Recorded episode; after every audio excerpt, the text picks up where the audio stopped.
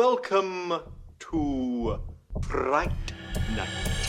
What an excellent day for an exorcism. Well, sometimes that is better. What's your favorite scary movie? Red Rob! Seven days. Don't forget. Don't forget. Why haven't you checked the children? Be my victim. Hiya, Georgie. They're coming to get you, Barbara. They're here. Er pis på gulvet, der er bræk på væggen, der er blod over det hele. Er det fordi, at folk bare ikke har ryddet op siden sidste fredagsbar på Aarhus Universitet? Det ved jeg ikke. Eller er det, fordi Mikkel Abel er i studiet? Præcis. Du kan altid bringe et eller andet godt med dig. Hej Mikkel, det er sjældent, jeg får lov til at introducere vores øh, gæst før øh, vores... Øh, Ja, men jeg sidder bare herovre altså. Jamen, Dejligt, jeg sad og tænkte, om jeg skulle smide den over på Bjørn. Jeg overtager bare nu, fordi øh, jeg sidder jo her og søler over i mit brækkerpis. Skide godt, det er fandme en start, der vinder det her. Mit navn er Joachim, Overfor mig sidder Bjørn Kærgaard. Vi to udgør mm. gysergutter, gyser, gysergutterne. Gyser- Og øh, så har vi øh, vores dejlige gæst i studiet i dag, Mikkel Abel. Meget glad for at være tilbage. Vær velkommen. Hvordan, øh, hvordan går det? Vi er trådt ind i oktober måned her. Øh, er I ved at finde jer til rette, kom i sådan øh, Halloween-humør, eller hvad man nu ka- kalder det? Øh, jo, jeg har meget travlt, synes jeg lige. Jeg er i gang med lige søsætte øh, noget, ikke, en, en ny podcast, Mm. ikke noget med gys eller noget som helst, der gør det med. Så jeg, jeg kan mærke, at jeg har meget travlt med at nå det hele, og jeg har utrolig meget optaget. Bjørn, det var ikke meningen, vi skulle afsløre vores nye podcast nu. Åh. Altså, Og hvad hedder den? Horror Homies? Ja, vi kommer og tager jer. Romancegutterne. Oh. Så du, du, har, du har nok at se til. Kan du følge med i din Spooktober? jeg er foran på den i hvert fald. Okay, Øhm, sådan. Så øh, Du har set 31 film på to dage. det er derfor, jeg er så travlt, ikke? Fandme godt arbejde. Hvad med dig, Mikkel? Jamen, øh, jeg, jeg glæder mig pinligt meget til oktober efterhånden. Altså, jeg tror, jeg begyndte at lave min Spooktober-liste i, tilbage i august eller sådan noget. Og jeg tror, 2022. Se. Ja, præcis. Jeg tror efterhånden, jeg går så meget op i det, at jeg skammer mig lidt over. Altså, uh, nu kan jeg snart se gyserfilm, som jeg også gør hele Ja, året rundt. ja, så jeg ved ikke, hvorfor ja, det betyder så meget, at jeg nu har Men, den der men nu er liste det sådan et tidspunkt, hvor alle andre Ja, også gør det. præcis. Det er lidt fedt at kunne dele det på en eller anden måde, føler jeg. Ja. Ja. Bilder mig ind i hvert fald. Ja. Jeg kan Men det, men mærke, det er også det, gysergutterne ligesom gør året rundt. Det er, at vi ser ja, ja. gyserfilm Og, og, rundt. og det der benspænd, jeg sætter for mig selv med, det skal være nye film. Det ser, jeg ser også kun nye film nærmest hele året rundt. Det er næsten kun, når vi skal tage os af et eller andet, jeg ser noget Ja, ja. igen. det er fantastisk. Jeg kan også se, at der er lidt af vores lytter derude, der, der følger med, ja. øhm, og, og selv deltager i noget uh, Spooktober og sådan noget. Øhm. Mm. Der er dejligt mange, der er ved at komme på Letterboxd nu, og jeg kan ligesom ja. Ja. sådan sidde og følge med i, hvad du får flere følgere. Ja, du sidder bare Jo, det, det, det, det er det, jeg elsker i hvert fald. Øhm, men der er også en af vores lytter, der har skrevet til os. Ja. Fik en mail her for ikke så lang tid siden. Øh, en, en kære Ulrik. Nogen, nogen vil sige i dag. I dag? Jamen, jeg kunne ikke lige huske, hvornår det var i hvert fald. Ja. Men øh, du sendte beskeden til mig i dag, og det er så yes. i dag, vi har fået mailen. Mm-hmm. Og det er en kære Ulrik, der roser vores øh, dejlige podcast, og det er vi super glade for. Mm-hmm. Øh, og så spørger han, og det er godt, vi har dig med i studiet, Mikkel, så spørger han, hvor køber man sådan hvor er der sådan gode steder at købe øh, 4K Blu-ray discs henne? Der er jo nogen derude, der samler sådan på fysiske medier. Det er ikke nok, det bare skal være på streaming. Det, de må også gerne have dem derhjemme, så de ikke pludselig bliver revet ned fra Sky Showtime eller et eller andet. Det er jo ikke noget, vi sådan har øh, super meget en øh, kultur omkring sådan i fysiske butikker i Danmark, i og med, at der ikke eksisterer Ikke noget, længere Fona længere. Mm. Elgiganten har jo også øh, fået det ud af sortiment for længst.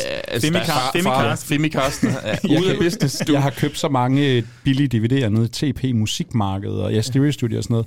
Nu om dagen er det vel nærmest kun øh, farve cigar, men der skal du altså mm. være villig til at sælge din første fødte for at ligesom kunne få fat, for at have råd til den der 4K. Ja. Jeg vil sige, øh, der skete jo en masse oven på øh, Storbritannien og alt det her Brexit og sådan noget. Der var en masse 12, der ramte i. Fucking Men lort. Altså, jeg, nu om dagen kan du jo sagtens benytte dig af en øh, UK Amazon, og så er der sådan noget øh, Wow HD. Der er sådan lidt nogle forskellige forhandlere. Jeg vil også sige, øh, med dansk øje, der findes en imusic.dk rimelig mm. fornuftige priser, og ja. nogen, der sender. Jeg tror Der faktisk, er nogle det gange ligger, tilbud derinde, og sådan, Ja. man skal holde øje med. i Er det ikke dem, der ligger her i Aarhus? jeg tror, det ligger ude i Højbjerg. Eller Ja, sådan det noget. var inde på strøget på et Ja. ja. tidspunkt, men så rykkede der. Ja. Og jeg vil sige, Wow HD, nok øh, det største udvalg, de billigste priser. Du skal bare lige være forberedt på, at der går op til en måned, før den ankommer i din postkasse, så man er sådan lidt usikker. Mm. Men Amazon, ikke, hvis du betaler lidt ekstra, så kan du altså få det til nogle fornuftige priser trods alt, og så kan du netop få fat i alt, hvad hjertet begær. Og hvis du skal holde det ja i Danmark, så som du siger, iMusic, men også øhm, cdon.com har Ja. også nogle gange 10 for 1000, hvis det er specifikt er 4K, du er Ja. på jagt efter Ja. og sådan noget. Øh, men der er i hvert fald nok muligheder derude. Jeg, jeg køber lidt mindre nu, og sådan lidt ja. mere af film, jeg ved, jeg skal beholde. Så, øhm, så det bliver wow HD, og så tager det lidt længere tid, men så kan jeg få et eller andet øh, lidt billigere, og noget jeg ved. Og man skal jo sige i forhold til især 4K-udgivelser, vi er jo mere forkælet, end man nogensinde har været. altså det er jo alt, der udkommer på 4K efterhånden. Både store klassikere, men også det pureste skrald. Når det er sådan noget The Swamp Thing Returns, eller sådan noget, altså toren til mm. allerede Wes ja. Cravens ikke særligt uh, velansete Swamp Thing, der kommer i 4K, så kan man godt sidde lidt og tænke, har vi også brug for alt? Præcis. Øh, altså, vi har, Joachim, vi har fornøjelsen af at se Scanner Cop 1 og 2 sammen på 4K, og jeg er sikker på, at det blev en bedre film, at vi så den i 4K. Altså, det er jeg ikke i tvivl om. Bjørn, vidste du godt, at for ja. to dage siden, så havde vi fødselsdag på Gysekunderne? Ja, det vidste jeg da her godt. Tre år, eller hvad? Fire år? Ja, selvfølgelig. Tre år. Tre år, okay. Fire år. Vi er 28 nu, eller hvad fanden foregår der? Ja. Det var bare, jeg kom bare til, det var, jeg tror, det var Mette, Mette vores, øh, vores kære lytter, hun øhm, gjorde os, opmærksom på det. Nå, det var det, hun mente. Ja. Yeah. Men vi har ikke rigtig gjort noget for at fejre det. Det kan Ej. være, at... Øh, Nå, men så tillykke til os. Til, tillykke til os i hvert fald. Vi havde ikke sådan et jubilæumsafsnit. Jeg troede, det var i jeres. Det var 100. Det var 100 ah. egentlig. Så. Jamen, tillykke til os, gutter. Men, så er vi jeg, jeg, jeg tror også, i den episode, der siger jeg netop, at fødselsdag er ikke noget, jeg vil fejre, fordi det er jo ikke imponerende at have været i gang i tre år. Det er jo imponerende at have været i gang og lavet noget et vis antal, for vi kunne bare lave tre episoder på tre år. Ja, Det er jo præcis. ikke særlig imponerende. Det har vi har så lavet. Og det er dig, der bliver ved med at bruge ordet imponerende. Det ja, kan være, det, så jeg prøver subliminal messaging, så de folk sidder derude, de er imponerende. Det er ja, det faktisk. Det er meget imponerende. Vi har snakket øh, seks minutter væk nu, ja. øhm, og, og hvis, hvis man lyttede til vor, min introduktion her, så tror jeg, at øhm, folk er lidt forvirret, for jeg ved ikke, om jeg decideret sagde titlen, vi skal snakke om i dag. De, de ved det nok, øh, på mm. grund af den titel, der ligesom står inde på den her øh, episode, inde på Spotify eller Podimo eller et eller andet, og så lytter folk bare febrilsk ud og vide, hvad fanden det er. det er selvfølgelig Exorcisten, øh, vi skal snakke om i dag. Mm. Øh, en stor titel, en af de mest populære film, øh, kyserfilm, måske også film nogensinde. Mm. Øh, en instruktør, der lige er gået bort nærmest, øh, der måske også hjælper på, at den er blevet mere populær, plus er det 50 års jubilæum, den ja. også har i år. Mikkel, hvordan, øh, hvordan er Exorcisten sådan renommé omdømme her i 2023? Er det stadig verdens uhyggeligste film? Jamen, øh, jeg tror for mange, ja, rigtig mange, så er det stadigvæk verdens mest uhyggelige film. For mange er det verdens bedste gyserfilm, måske endda bare film. Øh, den status er lige så højt holdt her 50 år senere, siden sin premiere i 1973. Det tror jeg virkelig, og den er jo sådan en del af den der hellige gral af gyserfilm, sammen med The Thing, Jaws, Alien. Ikke? Altså, Shining. Øh, ja, præcis. Det er sådan de der, de største af de absolut største. De der, man måske næsten ikke engang... De første, du rammer på, når du googler, hvad du skal se. Jamen præcis, og det er sådan mm. en, man næsten ikke engang tør at lave en episode om, fordi kan man overhovedet sige noget originalt om sådan præcis. noget her, ikke? fordi det er jo sådan nogle, der bare er analyseret og diskuteret til døde. Øh, den ligger på IMDb's top 250, og ved I hvilken instruktør, der siger, at det her det er en af de 10 bedste gyserfilm, der nogensinde er lavet? Uh, William Friedkin selv kunne godt finde på at sige det, men... Uh, men Tarantino. Jeg, han, han har selvfølgelig sagt det nummer et. Nej, det har uh, vores elskede Martin Scorsese, som jo er i vælten ja. i øjeblikket dejligt, med hans dejligt. udtalelser om Marvel, men uh, Exorcisten, den har han altså styr på. Altså, har, bliver han bare ved med at udtale sig om superheltefilm? nej, nej, nej, det handler om, at journalister bliver ved med at spørge ham, fordi de ved, at det genererer kliks, og så bliver han tvunget ah. til at skulle du ved, så det er det, samme, fortaler for det. Men jeg, men helt oprigtigt, så tror jeg heller ikke, han bryder sig om det, og det kan man måske godt... Øh, altså, og om superheltefilm eller ja, snakke om? Ja. Eller i hvert fald maskineriet. Der, Nå, nej, nej, nej det, det er også mit indtryk. Øhm, men det kan meget hurtigt blive en anden samtale. For at vende tilbage til dit spørgsmål, Joachim, så vil jeg sige, jeg tror, det er sådan en af de der gyserfilm. Den står lige så højt her 50 år efter, og jeg tror, på samme måde som nogen, de ligesom er blevet defineret af en Robocop som 9-årig, man har set nogle ting, en Jaws, ikke? så tror jeg virkelig Exorcisten, det er sådan en film, der, der har og stadigvæk øh, definerer rigtig mange filmnørder derude, og virkelig ja, har skræmt dem for videre sans, har altså gysernørder derude. Præcis. Jeg tror, der er mange, der starter med Exorcisten. Og jeg glæder mig også til at komme lidt mere i dybden med, sådan, hvordan, hvordan kan det være, og, og, og hvad er alle de forskellige brækker, der ligesom har været i spil, der har gjort, at den her, det var den her film, der indtog samtlige biografer i USA og solgte ualmindeligt mange billetter dengang. Altså, hvis man tænker på, hvor meget den har indtjent, den her, i forhold til, at billetterne koster 3 dollars dengang, og ja. whatever the fuck, det er helt sindssygt. Og Bjørn, priserne, ikke? Ja, ej, at forglemme. Præcis. Mm. Øh, Bjørn, ja. hvad, altså, hvad er det så lige ved den her film, der gør, at den har fået den her status, tror du? Sådan i, i, i bare sådan kort. Øh, jeg tror selvfølgelig, der ligger noget kontroversielt i, at man i 73 laver en film om det gode og det onde, med altså kristendom på den her måde. Øh, jeg ved ikke, om hvor velanset det var dengang. Jeg var sådan, Altså jeg kan sige, et år eller to inden, så har paven lige sagt, at uh, djævlen ikke eksisterer, eller et eller andet i den stil, og det er vist det er noget... dumt sagt. Og det er vist, eller altså, jeg tror, det er noget i den stil, eller ja. så er det omvendt, at djævlen faktisk eksisterer, whatever. Øh, Det og burde, det, også være, det burde mere give mening. med Jamen, jeg det. kan faktisk ikke lige huske Nej. det lige nu, øh, men, men det er faktisk noget, der gør, at øh, Friedkin og, og Blatty og sådan skal fucking have djævlen på skærmen. Jamen, og, og nu nævnte vi lige titler som Alien, Jaws, The Thing, de der, de store af de store. Ikke, øh, hvad, jamen, hvad er der som Exorcisten? Nå, jamen, det er jo den første af dem, ikke? Ja. Altså, det er jo den første af de der store gyser, der kommer op igennem øh, den amerikanske nybølge og så videre. Før det, jamen, så har det været meget gotisk, meget hammer horror og de der ting, ikke? Så det er også som om, den går ind og ligesom definerer et nyt sprog for gyserfilm, man 100%. måske ikke lige har set på det her tidspunkt. Og så tænker jeg også, der er nogle... Altså, så- så er der også selve meta-historien omkring Linda Blair, omkring den rigtige besættelse, som, mm. øh, som bogen er baseret på. Så jeg, jeg tror, der er rigtig mange ting, også selve altså, øh, optagelserne. Ja, ja, ja, som den der har også sin egen lille historie. Og, Forbandet. Hør her på det her tidspunkt, og så vidt også i dag, gyserfilm er jo en B-filmsgenre, og det er jo sådan noget underlydigt noget, det hører jo ikke til i en Oscar-sammenhæng. Nu har du mm. en Oscar-vinder, der går ud og laver det her som sit næste projekt, har gigastjerner med, i hvert fald nogle af dem. Ikke? Altså det her, det er jo sådan en prestigefilm allerede på det tidspunkt, at mm. den så bare går amok, det er jo så en, en anden snak. Hvordan har du det selv med den, Bjørn? Øh, jeg har det, det er godt med den. Altså, det, det er for mig ikke sådan en af mine absolutte mm. yndlings. Nu har vi jo lavet vores top 5, kan man sige. Ja. Så det, det, det ved folk jo godt, at det her er ikke i min top 5. Jeg elsker den rigtig meget, og har også sådan en... Nu ved jeg ikke, om du vil have min historie. Det er meget Jo, kort... Jeg, jeg, jeg har Starter med fortalt hans det. egen eksorcisme. Det, dengang jeg selv blev eksorcist... Nej. øh, men men øh, da jeg var øh, dreng, der har jeg fortalt dig før, at der øh, har vi jo det her kæmpe loppemarked i Give, hvor mine brødre, de bare tyrede en masse VHS-film ned i en kasse, og så den sidste halve time, mm. der er alt, du kan bære fra det her loppemarked, det koster en 50'er. Og så Okay. okay. gik de ud med den, og der var eksorcisten blandt dem. Og jeg kan huske, jeg ser den som, jeg, jeg, jeg tror, jeg har været en 9 eller 10, og jeg tror ikke, jeg har fattet helt, hvad der er foregået Nej. hele vejen igennem, det, det, det må jeg nok bare erkende. Men jeg kan bare huske den, det der sådan forårs... Øh, nej, det er nok... Jo, foråret. Om foråret, at jeg bare gik og tænkte på den rigtig meget. Mm. Hele tiden var den inde i mit hoved. Men Ikke, måske mest bare billederne. ja, altså sådan, billedet af, af, af den der dæmon, der dukker op, for Ja. eksempel. Der kan jeg huske, og det var en VHS, så du stopper den altså ikke bare lige sådan på, på, på punktet. Det er ret svært på en Ja. VHS. øhm, men jeg, så den dengang, og den øh, sad fast i mit hoved. Ikke, igen, ikke noget med Marit eller noget som helst. Jeg kan bare huske, at jeg tænkte utrolig meget på den. Jeg tror, det var det der med en lille pige, der egentlig bare render rundt, og så lige pludselig, jamen, så er hun Så- så. besat af en dæmon. Jeg tror ikke, jeg egentlig forstod, hvorfor. Så er der bare bakker lort ud over det Ja, hele. ja, altså, jamen, det var jeg jo vant til selvfølgelig, det skete også med mig, men, men den anden del, det Men ikke, når du har to brødre og sådan noget, du må have set noget af det her. Ja, ja. jeg. Hvad med dig, Mikkel? Øh, jamen, jeg er jo meget beæret over, at I har inviteret mig til Exorcisten, fordi Du sandheden har er ikke jo noget også... forhold til den. Det er første Hvad er det, du snakker om? Nej, men, altså, jeg har jo ikke det der forhold til den, som jeg har til en Suspiria eller The Blair Witch, hvor jeg har et meget sådan øh, Hvorfor har du ikke tatoveret den de- egentlig? defineret. Nå, det kan være, den kommer på et tidspunkt, men jeg har ikke det der sådan Er definitive... det brækstråle er Bare have det ned ad ryggen, eller, eller løber ned i røvsprækken. altså, jeg har jo ikke et sådan definitivt øjeblik med Exorcisten, og jeg skammer mig lidt over at sige det, men jeg har det, jeg havde det med Exorcisten, som jeg havde det med for eksempel Alien, hvor jeg har set den sådan i gym en sløv eftermiddag, og så har jeg sådan, fuck man, den er sgu da lidt gammeldags, den her. pis, er det ikke sådan lidt kedeligt? Det skulle da ikke sove, vel? Øh, så, er det, så har der været nogle gensyn hen over årene. Den er kun vokset øh, for mig, men jeg har altid haft sådan en, hvad fanden er det lige, de der folk, der siger, at det her det er det vildeste, det er det mest uhyggelige, det er mesterværket over dem alle.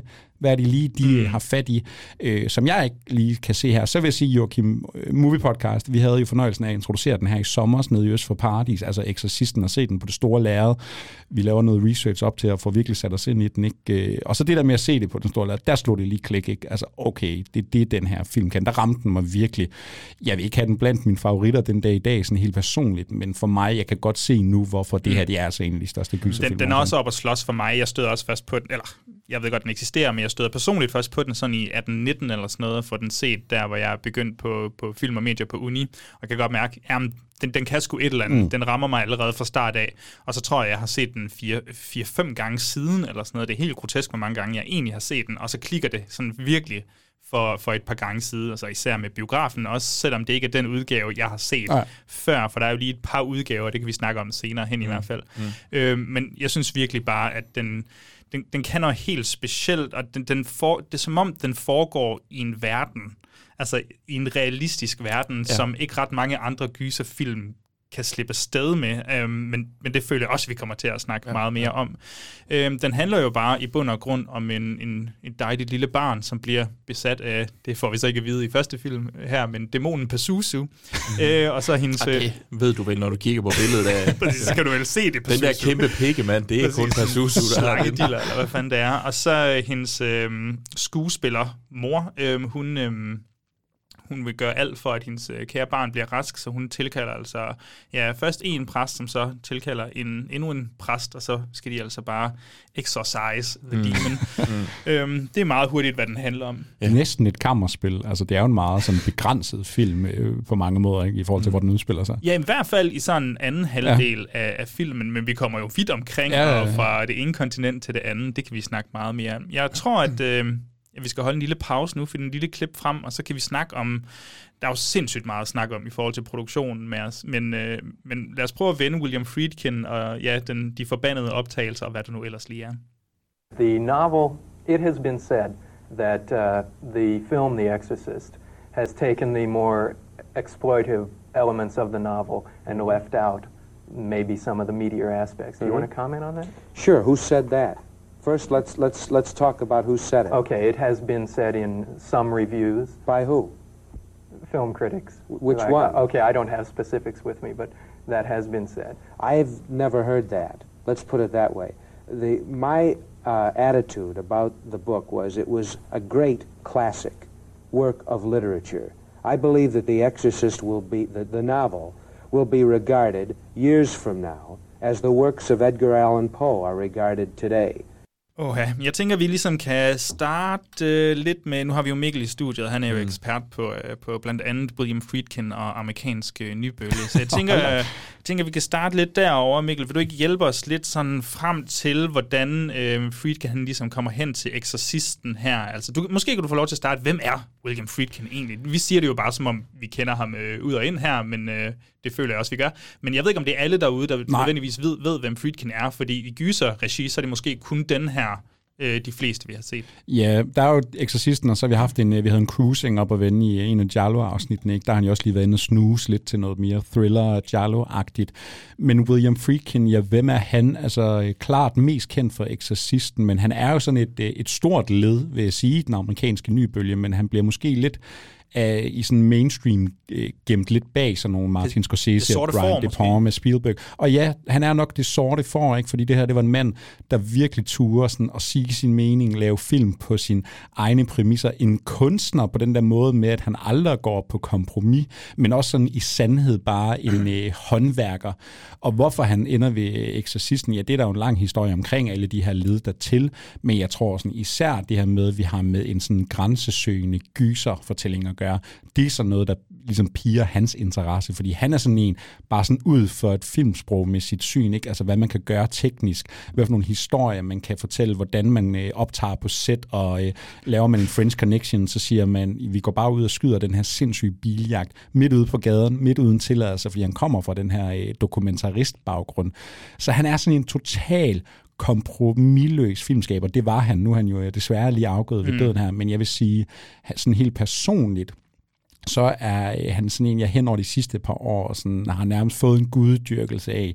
Et, det er hans film, ikke? vi kan nævne The French Connection, vi kan nævne, um, hvad hedder den, Sorcerer, To Live and Die in L.A., en af mine absolutte Killer Joe, hvis man skal lidt Killer Joe, ja, Cruising, øh, og ja, Exorcisten, altså der er mange, næsten, jamen der er flere mesterværker blandt de her titler, og så er der også nogle mindre, øh, virkelig gode film, og så også bare, altså prøv at gå ind på YouTube, finde nogle William Friedkin interviews, det er det en mand, der ikke har noget filter, han sviner alt og alle, lige som han har lyst til, han er sådan en type øh, filmmager, der ikke rigtig eksisterer mere. Han er sådan en, man godt kan savne nogle gange, at man tør ligesom at sige fra.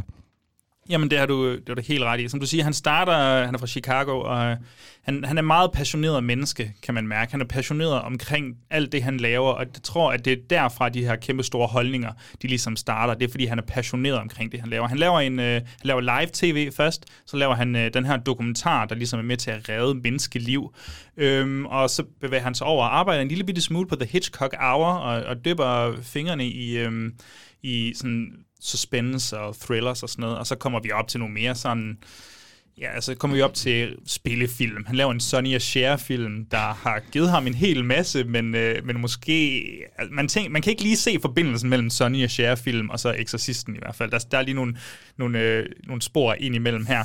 Han, øh, han bliver venner med den her kæmpe store øhm, sådan skuespilsforfatter Harold Pinter og får lov til at instruere The Birthday Party med Robert Shaw, og så øh, kommer vi altså lige så stille op til The French Connection, som han så laver og vinder nogle Oscar for, og bliver super kendt for, og det er vist at det går historien på, at øh, i hans selvbiografi er det på sådan Oscar-natten eller sådan noget, så, øh, så han, han har mødt William Peter Blatty inden det her, og de har snakket om, at de skulle lave en film tidligere, øh, og så er det vist på aften eller senere hen en anden dag, så, øh, så får, får han altså sendt et tidligt eksemplar af øh, Exorcisten, og der kan han mærke sådan, uh, der er et eller andet dragende ja. her, og det ender så ud med, at det bliver øh, Friedkin, der skal instruere den. Måske var der også nogle andre instruktører på spil, det kan jeg ikke lige huske. Ja, det ved jeg faktisk ikke, øh, men man kan sige, det er, det, været ja, men det er nemlig rigtigt. det er jo det der klassiske eksempel, ikke? Altså den aften, han vinder bedste instruktør og bedste film for French Connection, der er han jo den største unge instruktør i hele Hollywood, og det er det jo før, ja, både Martin Scorsese og Spielberg, de får deres gennembrud, der går jo lige et par år før, eller to-tre år, ikke? Altså mm. bare før de virkelig for at møde deres navne ind i branchen. Øh, så det er jo det, han er jo den største på, den her, på det her tidspunkt, og det betyder jo også, at du kan vælge at vrage lige, som det passer dig. Altså, så at, og så er der jo sådan en historie med en William Peter Blatty, der fører ham frem til Exorcisten. Mm. Kunne, kunne du se, Bjørn, andre, der skulle instruere den her film? Nu nævnte du selv lige Kubrick, han var vist op og vende. Jeg har ja, også nej, lyst til at sige sådan en, som Mike Nichols var, var op og vende. Han sagde, at den er simpelthen for mørk, den her film. ja, det kunne så heller ikke lige helt... Øh, der er nogle af de der... Lidt, I mit hoved, der, der, øh, der William Friedkin, han er jo den, den, den mørke, mere gritty version af Peter Bogdanovich, og jeg ved ikke hvorfor. Jeg ved ikke, hvorfor jeg har det sådan op i mit hoved, men, men det har jeg af en eller anden grund. Øh, men jeg kan slet ikke se Kubrick. Altså, øh, det, jeg tror på en eller anden måde, at han ville... Øh, han vil ikke grounde det på en eller anden måde nok. Nej. Altså, det vil blive for øh, fantastisk. Øh, eller sådan noget den stil. Jeg kan ikke helt... Jeg kan ikke se det for mig. Nej. Men altså, nu har jeg jo læst rigtig mange af de der forskellige folk, der har været øh, til, tilknyttet, ligesom med sådan Jack Nicholson som Father Karras. Der har været så mange. Hvor man også bare tænker, ja, nej, det, der er ikke, men hvor de også selv siger, han er, altså, han er ikke øh, præstemateriale, eller hvad vi skal ligesom sige. Han er nok for unholy ja. en type selv til at... Det, altså, jeg, slet ikke. jeg sad altså og tænkte, øh, den eneste, jeg kunne forestille mig, det skulle være sådan en som Roman Polanski, men ja. det vil blive... Han kører bare lidt mere i det der psykedeliske, ja. syrede landskab. Altså, det en mere erotisk for, udgave, måske. ja, erotisk lavet i hvert fald. Der er i hvert fald noget... noget Så var der nogen, der havde kigget på det her dejlige barn på en lidt forkert måde i hvert fald. altså, jeg vil sige, tematisk, så ligger den jo lige til højre benet for en øh, fyr som Martin Scorsese. Ja. Altså, en præst, der er ved at miste sin tro, en præst, der har sin tro og virkelig tror på Gud som det største. Mm. Øh, hvis vi tænker sådan noget Last Temptation of Christ, ikke? Altså, og hvad han har dyrket af katolicisme igennem sine filmer, og mænd, der mister troen på, hvad de nu tror på, så mm. tror jeg, at lige den ligger til højre benet. Men i 1973, der har han, Streets. han har, ja, hvis han laver en Mean Streets der, ja, han, er, han er simpelthen for grøn, tror jeg, til at lave det den her film. Han vil, den vil miste nerven, tror jeg i hvert fald. Altså, nu kan man sige mange pæne ord om Mean Streets, ikke? men øh, der vil gå lidt af den der sådan, eksplosivitet ved eksorcisten, tror jeg. Jeg, jeg, jeg tror også, at hvis for eksempel Brian De Palma, som du jo har en t-shirt, ja. så ville vi have set hele øh, den her øh, eksorcisme-scene øh, udspille sig igennem et vindue. ja, så og, hvad, der og, og, og Rape of Christ, den har været lige op i ansigtet på dig. Altså, det har været helt eksplicit.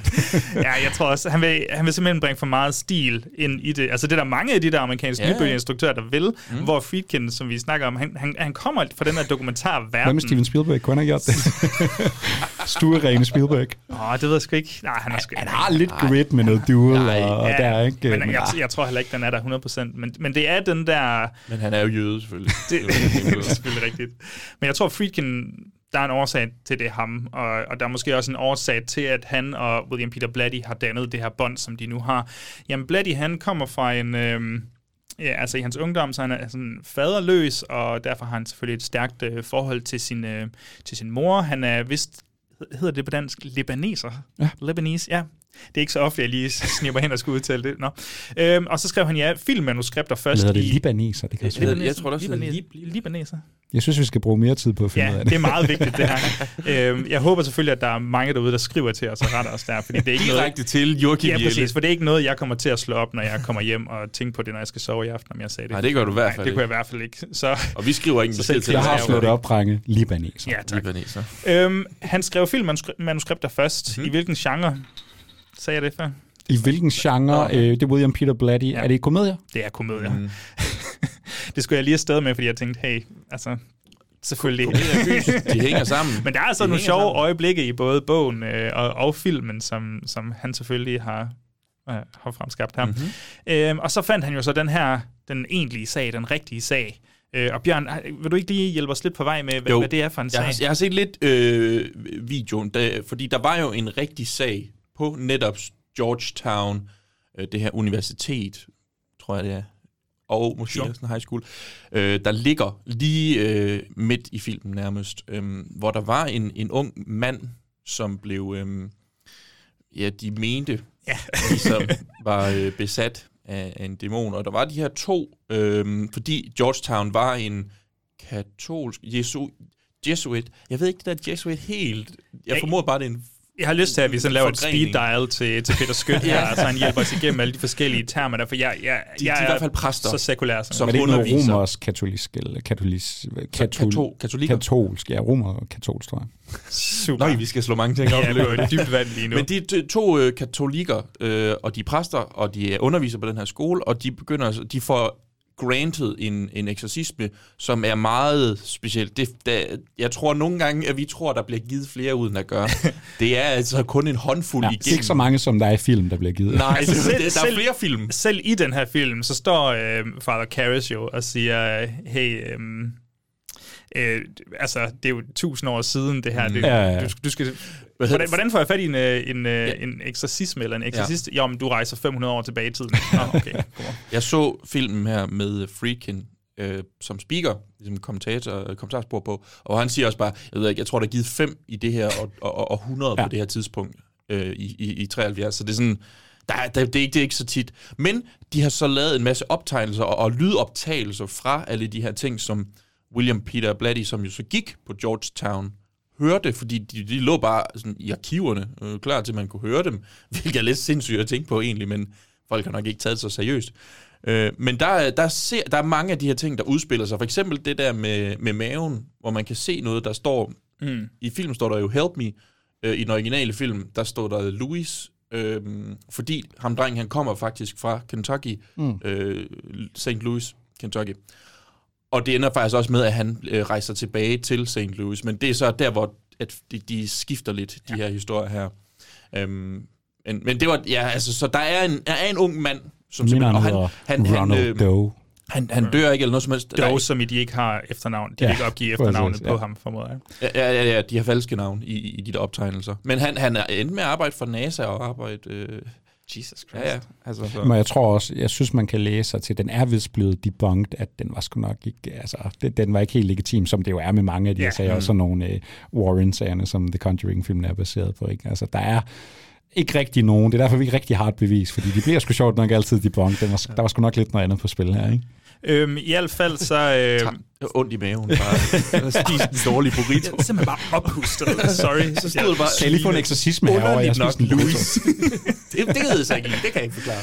Øhm, Blatty, han, han føler sig også nødsaget til at ændre lidt fra, fra den egentlige hændelse til den her fiktionsversion. Han ligesom skriver, at der bliver skiftet køn og whatever. Øh, og, og det bliver jo en, øh, en stor succes. Øhm, hardback ret, eller hvad, det bliver en ok succes. Hardback rettighederne til, til bogen blev solgt for mange penge, men bogen solgte ikke lige så meget, indtil den vist nok kom i paperback, tror jeg, eller et eller andet i den stil. Han optrådte også på øh, det her Dick Cavett show, som også satte gang i et eller andet, og så blev det det her, så bogen nåede også at blive et fænomen, inden filmen altså kom ud her. Og Blatty, ja, som sagt, han øh, insisterede på, øh, på, at Freakin skulle være øh, instruktør, men der var lidt kampolage med studiet her. Mm. Har vi nævnt, at bogen er fra 1971? Mm, altså, så det er jo, det er det, det, det er jo en hurtig super proces, ja. hurtig proces, vi er ude i her. Det er altså sjældent, at Det det, går så stærkt. King. Ja. Øhm, Blatty, som også er producer på den, han, øh, han skrev også selv manuset. Det første draft, han øh, sendte, han var så stolt af det, sender til Friedkin, og så siger, siger Friedkin selvfølgelig, det er noget fucking lort, det her. Hvad, hvad er det, du laver? Det er sådan noget, du har der- kottet øh, prologen mm. og det, det skal du simpelthen ikke gøre, og bla bla bla. Så en rigtig, du ved, Mikkel Alec og Friedkin, han siger jo bare tingene, som de er. Ja, altså. Manden, der sviner Al Pacino, hvis han har lyst til det, er lige så groft, som nogen kan omtale andre mennesker. Men der er jo sådan en øh, klassisk historie, han altid fortæller med William Peter Blatty, der sådan f- flere gange opsøger ham, og sådan nærmest stalker ham ude på parkeringspladser, og sådan kommer løbende med sit manuskript og siger, nu har jeg en ny udgave, ikke? Prøv lige at kigge på den her. Og hver gang... Øh, Friedkin har allerede sat ild til det, Præcis, hver gang Friedkin han læser det, så sidder han bare og tager sindssygt mange noter, og sådan, drop det her lort, lort, lort, lort, lort. og Friedkin, han er så meget filmager og håndværker, at når han læser bogen, jamen, så har han filmen inde i ansigtet, eller inde i øh, hovedet, ja, og han er ikke interesseret i at filmatisere den en til en, men han ved jo, der gemmer sig en, øh, en øh, god film i den her bog, men William Peter Blatty skal bare lige have det råt for uforsøget.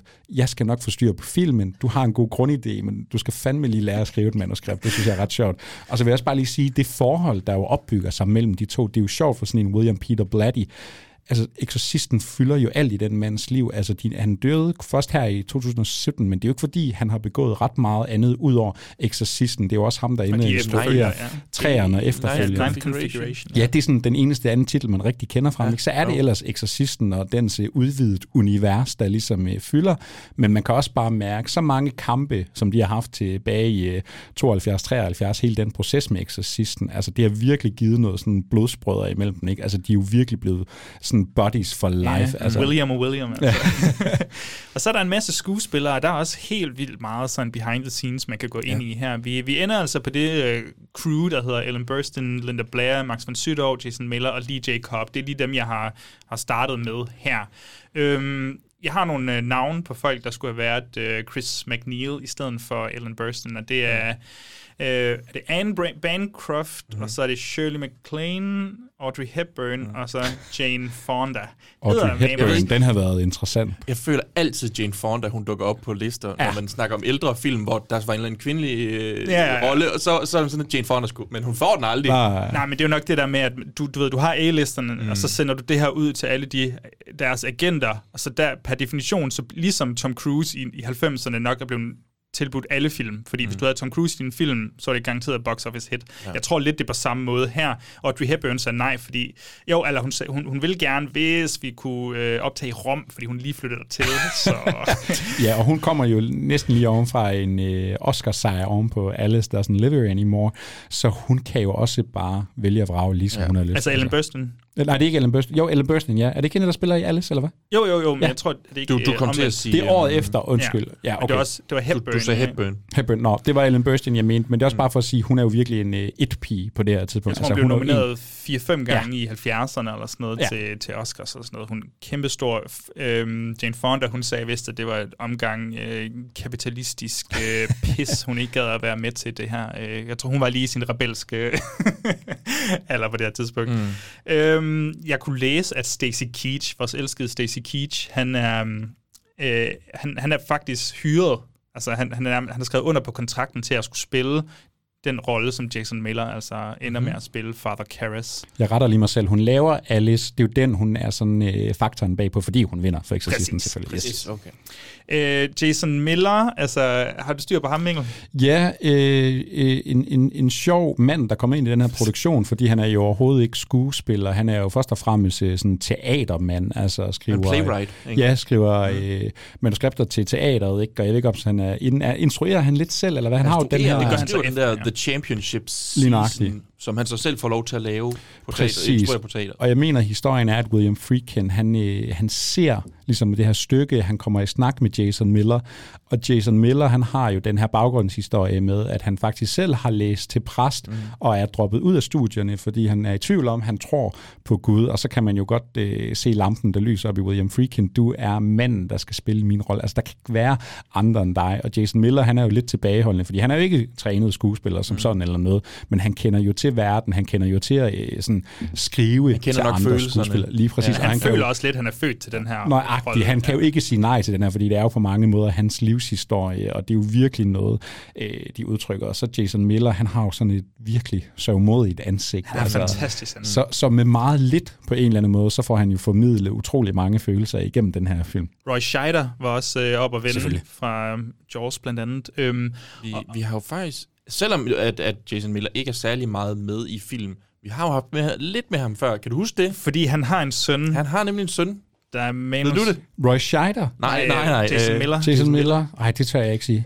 Det er fordi, hans søn laver jo, øh, skriver sammen med en kammerat den jeg. film, ja, så, så vidt jeg husker, den øh, vi- dør af grin film, vi tog os af, Gyserkomedie, ja. ja, øh, som hedder øh, The, Final. The Final Girl. Ah, ja. Final Girl. Uh, the, the Final Girl. Final Girl. Måske med et S. Jeg tror, det er Girls. Øh, ja, som jo netop handler om det her med at en, have en forælder, der dør på skærmen, ja. og, og så også dør i virkeligheden, Ja. ikke? Yes. Øh, men, men ja, ja, der er det bare lige hurtigt side Ja, note. ja. øh. Jamen det er sjovt, Jason Miller. Jeg tror på det her tidspunkt, det er også der, hvor hans, det her omkring, hvor hans teaterskuespil, der er That Championship Season, det er også hitter. Så jeg tror seriøst på et år eller et eller andet, så er han nomineret til både en Tony, en Pulitzer og en Oscar Ja. eller sådan noget. Det er sådan, wow. Ja, og Slow kan bare en Grammy, så, øh. Slow down, bro. Og, og er det ham selv, der filmatiserer den, og den har Ja. ja. sådan alle veteranskuespillere ever. altså, det er George C. Scott, og det er Robert Mitchum, og sådan lidt forskelligt. Altså, det er virkelig nogle navne, der er med her. Jeg tænker også, at William lidt kan bevæge sig over i sådan det her produktionshelvede, eller det forbandede sæt, øh, der nu var. Men jeg vil også lige give et skud til Dick Smith, øh, som er makeup-artist øh, ekstraordinær øh, på den her, som også står bag nogle titler som øh, Godfather Part 1 og 2, Altered States, øh, Scanners, The Hunger, Amadeus.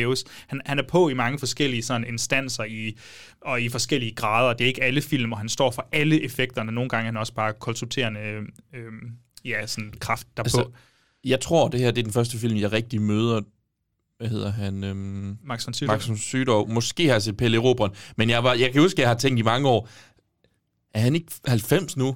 altså, jeg, jeg, Har han ikke været 90 hele sit liv? Jamen, det er jo det. Det er jo, det er jo jeg lidt tror det. virkelig for mange, at den her film og hans, det, det make-up effektarbejde, Ja, der er på ja. ham, det har været med til at gøre, at folk har troet, at Max von Sydow har været 70 fra 1973. Han er 44, eller Jamen, det er helt vildt. Og selv nu har jeg haft min tur igennem Ingmar Bergman-filmene, hvor han jo cirka er med i hvad? 80-90 procent Ja. af dem. øh, og selv der, altså selvom han er ung og, og, og frodig, så ser han jo bare gammel ud alligevel på en eller anden måde, fordi det er det, man forbinder med Max von Sydow. også sådan helt hvidt Ja, lige præcis. egentlig. Ej, det er fordi, det er sort-hvid. Bjørn, det er fordi, det er Ah, okay, det er lidt forvirrende. Ja. Men skide sjovt at få ham ind i Exorcisten, ikke? Fordi nu har han lavet alle de der Ingmar Bergman-film, og hvad handler Ingmar Bergman-film cirka altid om? Når det er så tro, og øh, Max von Sydow har jo altid Hvad er det spillet- syvende sejl? Det, Ja, præcis. Ikke? Altså, det er jo en mand, der på film har mistet tro utrolig mange gange, og en mand, der er erklæret ateist i virkeligheden, og har haft mange fighter med øh, sin ven Ingmar Bergman, sådan øh, helt personligt. Mm. Og nu kommer han herind, og han skal ligesom være ham, der skal overbevise hele verden om, at Gud er stor, og han kan redde den her lille pige. Er, er der nogen... Øh, er der nogen af rollerne, eller hvad skal vi sige, er der nogen af skuespillerne, I godt kunne have set blive byttet ud? Altså, det, Eller er, er, er de så, altså er, er de karaktererne nu, fordi at den er, har 50 år på banen, den her? det kunne ikke have været andre end Jason Miller, det kunne de jo nok Nej, ikke. Men når jeg ved, Stacy Keach, han har stået på det sæt der, og det er ikke sikkert, at alle lige ved derude og ved, hvem Stacy Keach er, men man skal ikke undervurdere, hvor fed den her mand, han var i 70'erne. Jeg ved ikke, om det har været den samme type Altså film. ikke fysisk. Jamen, han er virkelig fucking... Jamen. altså, der er så mange fede film med ham derude, og jeg vil bare sige, jeg Men jeg- tror, han kunne have gjort det fedt. Han har bare altid, synes jeg, sådan lidt et, et, et blink i øjet, lidt det, det der kække smil, Ja, med, som, som måske, altså jeg synes bare, at Jason Miller passer, fordi han mm. er virkelig Jamen- godt, fordi han netop ser så trist ud hele tiden. Jamen, det, og det er derfor, jeg tænker, at nærmest kun Roy Scheider kunne være mulig, Ja. fordi han har også lige det der hundevalpsøjne der, der er Og han har også lidt den der indre galskab, Ja. man kan slippe løs. Jeg vil sige, jeg vil bare gerne se AI-versionen, hvor Stacy Keach, han spiller hvor de bare smider ansigtet på. det, det er jo faktisk en af de ting, vi skal glæde os til ved AI. Det er jo bare den, den dag, hvor vi selv lige kan skrive vores eget Mm. cast ind, og så lige pludselig, så er Max von Sydow, det er ikke ham længere, eller så har vi bare gjort ham yngre. Nå, det er sådan, han wow, vil se ud. Linda Blair spiller alle rollerne i Exorcisten. Det, Altså, jeg vil sige, Ellen Burstyn, hun er jo fantastisk. Nu nævnte du en liste af nogle andre skuespillere. Jeg kunne sagtens have set nogle af dem. Måske ikke lige Audrey Hepburn. Jeg forbinder hende mere med noget lidt mere sådan classy, ja, lidt mere ja. ja. light. Øh, Jane Fonda er måske lidt for ung, det ved jeg sgu ikke, men altså, det ville ikke være urealistisk for mig, at man tog en anden kvinde, fordi måske er lidt mere udefineret på det tidspunkt. Jeg synes bare, hun er, hun er så fucking god i den her. 100 procent. Altså. Hun, hun er lige på grænsen til at overspille en gang imellem, men hun er simpelthen fantastisk. Nå, øh, hvor meget har I listet op på, på den her forbandede produktion? Der, jeg kan jo sige til, til vores lyttere, hvis de er nysgerrige, at inde på DR, så ligger der jo sådan et lille mini-tv-serie om forbandede produktioner. Så de kommer selvfølgelig også igennem Poltergeist og hvad der nu ellers er. Øh, og der dør jo utallige mennesker på det her sæt, og det betyder jo, at øh, djævlen Pazuzu, dæmonen Pazuzu, har noget med det her at gøre. Øh, jeg kigger sådan lidt søgende. Er der nogen af jer, der ved noget om det?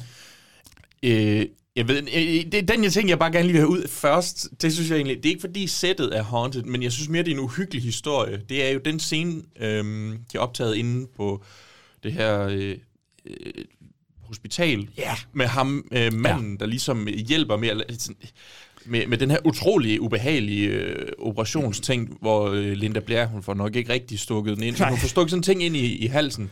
Utro, måske den mest ubehagelige scene i den her Ja, det, film. det er jo der, hvor jeg læst, at mange Ja, synes... præcis. Øh, men ham, øh, manden, som spiller den her nurse, eller hvad vi ligesom skal sige, det er bare en rigtig nurse, som senere viser sig at være øh, en rigtig morder. Hans navn er Paul Bateson. Paul Bateson, som er The Bag Murderer, som så er det filmen Cruising øh, til dels handler om. Ja, ja man møder ham senere øh, i noget research, et Altså eller andet. Altså, ja, Freakin møder ham, hvor han decideret sidder i fængsel, og sådan, sådan lidt, hov, jeg kender jo dig, ikke? og du har, jeg kender dig fra min film, min egen film. Mm. Nu laver han så lige en ny film, der ja. delvist er baseret på hans liv. Det er der, hvor filmen lige bliver, bliver lidt større. Ikke? Øh, men jo, hvad er der ellers på det her sæt? Det er noget med nogle, øh, der er sæts, der går ildebrand mm. i flere tingene. Altså, de kan ikke Og rigtig det, finde og en kilde. det eneste sådan kulisse, der overlever den brand der, det er hendes soveværelse. Ja. Og så er der jo det her Det er måske med... ikke noget at gøre med, at de har kølet det så hårdt ned fra frosset til. Så er der bare sådan en stuetemperatur, der sætter det i flammer derefter. Ikke? Så er der jo det der med, at sådan folk omkring produktionen, så er der nogen, der er decideret er døde. Altså der er jo ham her, hvad hedder han, Jack, Jack McGarren, tror jeg. Ham der, den, ham der britten, han mm. er så fed. Ham, der spiller sådan en filmproducer, Burke ja, Dennings. som øh, lidt kaster rundt med Ellen Burstyn Han er så øh, karakter. Ikke? Han dør jo lige nærmest dagen på premieren, ikke? og der er man jo sådan, okay, der er altså noget på spil her. Og der er nogle produktionsmedlemmer, der ja. er lidt døde kort efter, øh, og der er måske et familiemedlem af dem, der er døde, ikke? og så bliver det jo hurtigt sådan en helt urban legend af det film. Men jeg kan heller ikke sådan, om vi har så mange ældre skuespillere med os, og, og alle har et kæmpe netværk af familiemedlemmer. Hvis man tænker på, hvor mange mennesker der er på, altså, på Det er mange et- mennesker, der ligesom tråder ud fra Ja, det er en det. Så- produktion. Nå, men min mosters Ja. ja, brors... Ja, øh, eller- Præcis. Og det er jo det der, når, når fodboldtræner. livet omkring filmen bliver større, og det er jo det, der er med til at gøre den stor. Det er jo ligesom, vi har brugt et helt afsnit på at snakke anekdoter fra produktionen af Blair Witch Project. Ikke? Så er det de der sådan urban legends, der ligesom holder liv i, at det her det er den vildeste film nogensinde. Der er også det der med, at øh, sådan en øh, Linda Blair og en Ellen Burstyn, ikke? Altså, de kommer jo decideret voldsomt til Yes, skade. og det var også det næste, jeg vil hen til. Men det er nok kan mere snakke- William Friedkin Ja, ja, det lyder også- Hvis vi metoder, snakker end om det forbandet ja. produktion, så er det når, at uh, Burstyn og Blair, de banner af William Friedkin. Fordi vi er ikke, vi er ikke kommet med nogle af de eksempler på øhm, øh, Friedkins sådan lidt hårde instruktionsmetoder her. Uh, har, I, har I styr på dem? Fordi der er noget med en pistol, Ja, og der ja. er noget med de her straps, de har på. Øh. Jeg vil sige, jeg har ikke lyst til at sove en nat i øh, den seng der, som øh, den stakkels øh, Regan, hun ligesom mm. ligger og er besat i, fordi det er jo sådan noget med, for at få de her movements, nu har Linda Blair jo også øh, til dels haft en øh, stuntdobbel, som er noget sur over, hun ikke er blevet mere anerkendt for sin indsats, øh, hvor vi jo tilskriver Linda Blair rigtig meget, nok også helt fortjent, tror jeg. Øh, men det er jo sådan noget med, at de har været koblet til nogle straps, der har været sådan nogle motiver om dem, som skal give den der effekt, når hun ligesom bare bliver kastet frem og tilbage i sengen og ikke kan styre sin egen krop. Jamen, når du så har sådan nogle mekaniske produkter der, så er der måske lige en rygsøjle, der bliver overbelastet. Mm. Så især Linda Blair, hun kommer jo virkelig til skade, og jeg tror nærmest i dag, hun har kroniske skader på sin ryg, mm. og det samme gælder en Ellen Burstyn, da hun bliver, at hun blev hun kastet igennem lokalet der på et tidspunkt. Og det der, hvor hun skriger skab. rigtig meget, og det er for- hendes ægte skrig, som Ja. man er lidt træt af, er på det er der, du, når du ser film med nogle venner, der ikke har set så laver du den der ligesom Aragorn, og han sparker til Ja, ja. hjelmen. Ja. Did you det er faktisk know? lige der, hvor han brækker sin tog. Det ved, det ved jeg ikke, om du har set. Og så er der øhm, Jason Miller, der er et tidspunkt, tror jeg, hvor et, øh, hvor et Friedkin han simpelthen affyrer en pistol øh, lige ved siden af hans øre for at give ham en vis reaktion, eller mm. en af de andre præster, det kan jeg ikke lige huske, jeg tror bare præsten vender sig om og siger, altså skuespilleren vender sig om og siger, det der, det gør du aldrig igen. Nej, og, og det er jo skide sjovt, ikke? Fordi han er jo sådan en sindssyg film med, der bare giver den gas, og vil Mm. virkelig, altså hvis der er noget, han vil have, en reaktion, han vil have, eller noget, han har brug for, så skal han nok finde en metode til det. Men samtidig, når man så har sådan en ung Linda Blair, altså hvad er hun 12 år gammel på det her tidspunkt, ikke? Der er jo stadigvæk historie om, jamen hun er jo virkelig blevet sådan godt, altså jo, der var lige nogle skader på ryggen, ikke, men hun har jo haft det godt, de har jo holdt hende sådan lidt skjult for selve uhyggen, ikke, altså de har jo beskyttet hende så meget som muligt, så det er jo ikke sådan, Linda Blair står og siger i dag, at jamen, prøv at, jeg blev sat igennem ild og helvede Nej, nej. på den måde, altså Hun, hun, hun må dog have sådan nogle sådan noget, ikke Secret Service, men Bodyguards en, et halvt år efter Ja. filmen blev udgivet. Det, er alligevel, det må også være lidt nøjeren som 12-årig. Bare sådan, Det tror jeg helt Hvorfor er jeg lige er her igen? Men hun har jo fået, ja, hendes karriere er jo virkelig blevet ramt. Altså, den, hun, mm. den har jo lavet hendes karriere, den her Mm. film, Ej, på godt det- og ondt, kan man sige.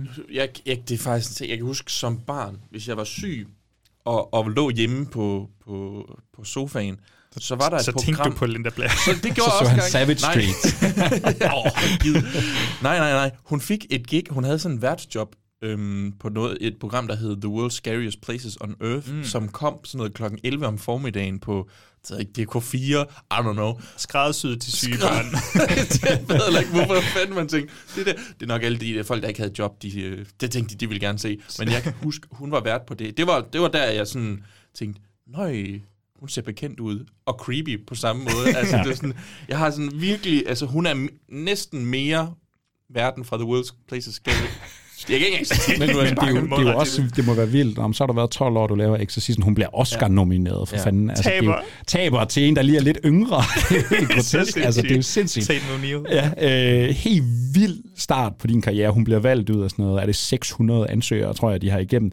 Øh, når nu bliver du skudt til stjernerne, ikke? Og hvad kommer der? Jamen, så kommer der ikke sådan nødvendigvis super meget af det der sådan prestige bagefter, men så kommer der så den her karriere som B-film, så hun mm. så måske, både måske lidt frivilligt og ufrivilligt, vælger at virkelig spille sig ind i, fordi mm. så op igennem 80'erne, og hun vokser jo selvfølgelig også og bliver en kvinde, jamen så kommer der jo sådan nogle Women in Prison film, og der kommer øh, en Exorcisten 2, og der kommer sådan noget virkelig slog, Ja. hvad end det er nogle slashers eller horror. Men jeg synes jo så, det er dejligt. øh, Nu er hun jo ikke med i den nye Exorcisten her, der øh, lander lige om lidt. øh, Believer, er det det, den hedder, mm, tror jeg. Mm-hmm. Men øh, man kan så se, at hun er krediteret til at være advisor, så hun går jo faktisk ind. Der er jo nogle nye unge piger med i den, så hun har jo stadigvæk en interesse i Exorcisten. Hun er jo ikke sådan skræmt væk af det, eller bort sig, frakalder sig den her karriere som sådan en screen queen, der startede, da hun var 12 år. Hun er advisor på, på de uh, sengescener, der er. Hun skal være sikker på, at alle er spændt rigtig godt Ja, fast. det er der. ligesom, når du starter, øh, når du sætter dig i forlystelsen i Tivoli. Jeg sikrer mig lige, du er strapped den her. Det er det, hun er stået for.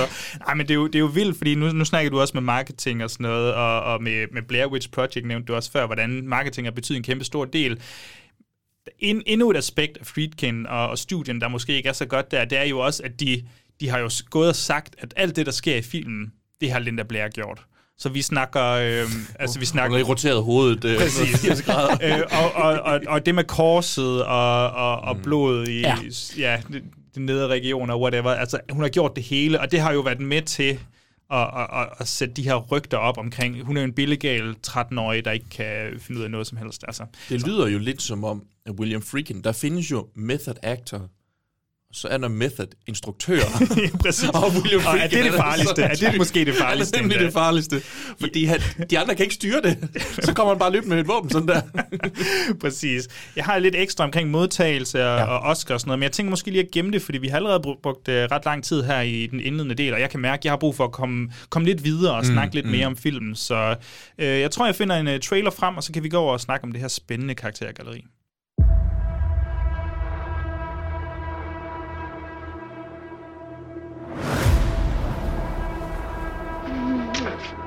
Where'd this come from? I found it. Well, let's both play. You really don't want me to play? Captain Howdy said no. Who's Captain Howdy? You're gonna die up there. I need reassignment. You're the best we've got. I think I've lost my faith. Is there someone inside you? Sometimes. Who is it? I don't know. Is it Captain Howdy? Uh, you ever heard of exorcism? How do you go about getting an exorcism? I beg your pardon?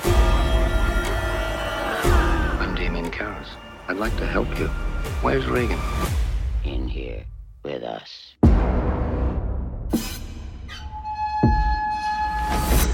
I believe we should begin. Avoid conversations with the demon. The demon is a liar. He will mix lies with the truth Why, Dimmy? to attack us. Do not listen. That thing isn't my daughter. It is he who commands you. The power of Christ compels you. What an excellent day for an exorcism. Ja, jeg synes, der er ikke alt for mange karakterer, jeg har lyst til at, at bruge alt for meget tid på, men der er lige nogen, vi skal igennem her. Vi kan starte på det her med det her sådan uh, mor-datter-forhold. Altså, der er jo Chris McNeil, og så er der uh, Reagan McNeil, må vi måske antage, hun hedder. Mm-hmm. Øhm, hvordan har I med de to karakterer, altså kan I mærke det her mor-datter-forhold, og hvor vigtigt er det til den her film? Altså, jeg kan godt mærke det. Øh, det, det der, eksisterer. De, har, de, de, de kender hinanden, mm. simpelthen.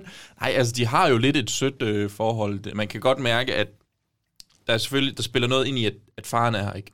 Han eksisterer ikke rigtigt i den her film. Ham ser vi vist kun igennem telefonsamtaler. Mm. Ja. Øhm, men, men altså, vi har jo sådan en scene, hvor hun kommer og snakker om det der med hestene fra starten. Og sådan, nej, jeg må ikke få en hest. Og så tager hun en kage fra den her lille krukke og løber med den, og så løber moren efter. Åh, din lille gavtyv. Og så ligger Præcis. de på gulvet og, og wrestler, som jo så selvfølgelig skal afspejle lidt senere, hvordan deres forhold udvikler sig. Men wrestler på en anden måde. Ja. Wrestler de lidt på en anden måde, men altså, det virker jo som om, at de har det her forhold, som er sådan ret tæt, og de snakker med hinanden. Altså, de snakker snakker med hinanden, og Ja, også til trods for, at hun er en stor skuespiller inde moren, mm. ikke, og har mega travlt og står på sæt. Hun, altså, det er jo vigtigt for hende, hun kommer hjem hver dag og mm. er hos sin datter. Hun er meget så nærværende, ja.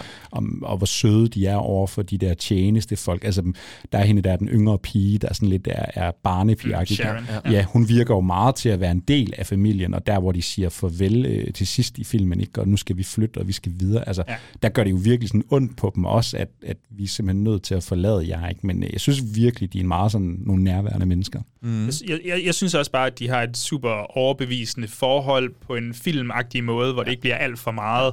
Øhm, fordi at øh, Chris McNeil, ja, som sagt, stor skuespiller, altså kæmpe skuespiller.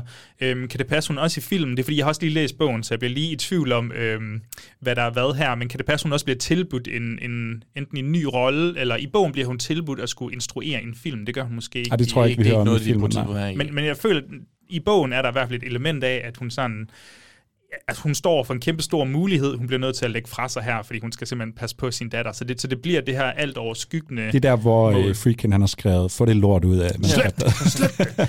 øh, men, men ja, farmand, han er i hvert fald væk, og, mm. og det, det passer også meget godt. Altså, det, det, er også en, det føles lidt som en klassisk gimmick på en og eller anden hun hedder jo Chris, altså et meget androgyn navn. Ikke? Hun ja, er både far og mor i en rolle. familie og sådan noget.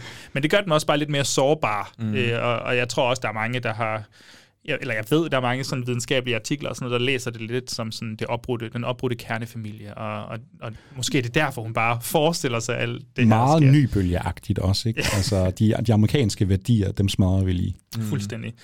Øhm, hvad, med, hvad med vores to øh, præste, øhm, vores to øh, daddies, vores to fathers, Car- øh, Marin og Karis?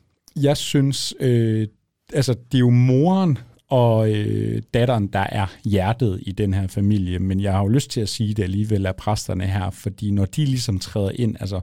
Øh, Så er der lige pludselig en far i familien. Ja, der er både måske en far i familien, men også øh, nu Caris møder vi lidt tidligt. Vi er jo også blevet introduceret for, er det Marin? Han hedder øh, Max von Sydow. Mm, mm. Men, men hans øh, indtræden i selve filmen, ikke? altså sådan rigtigt, den kommer jo, vi skal jo nærmest over halvvejs i filmen, før han bliver tilkaldt.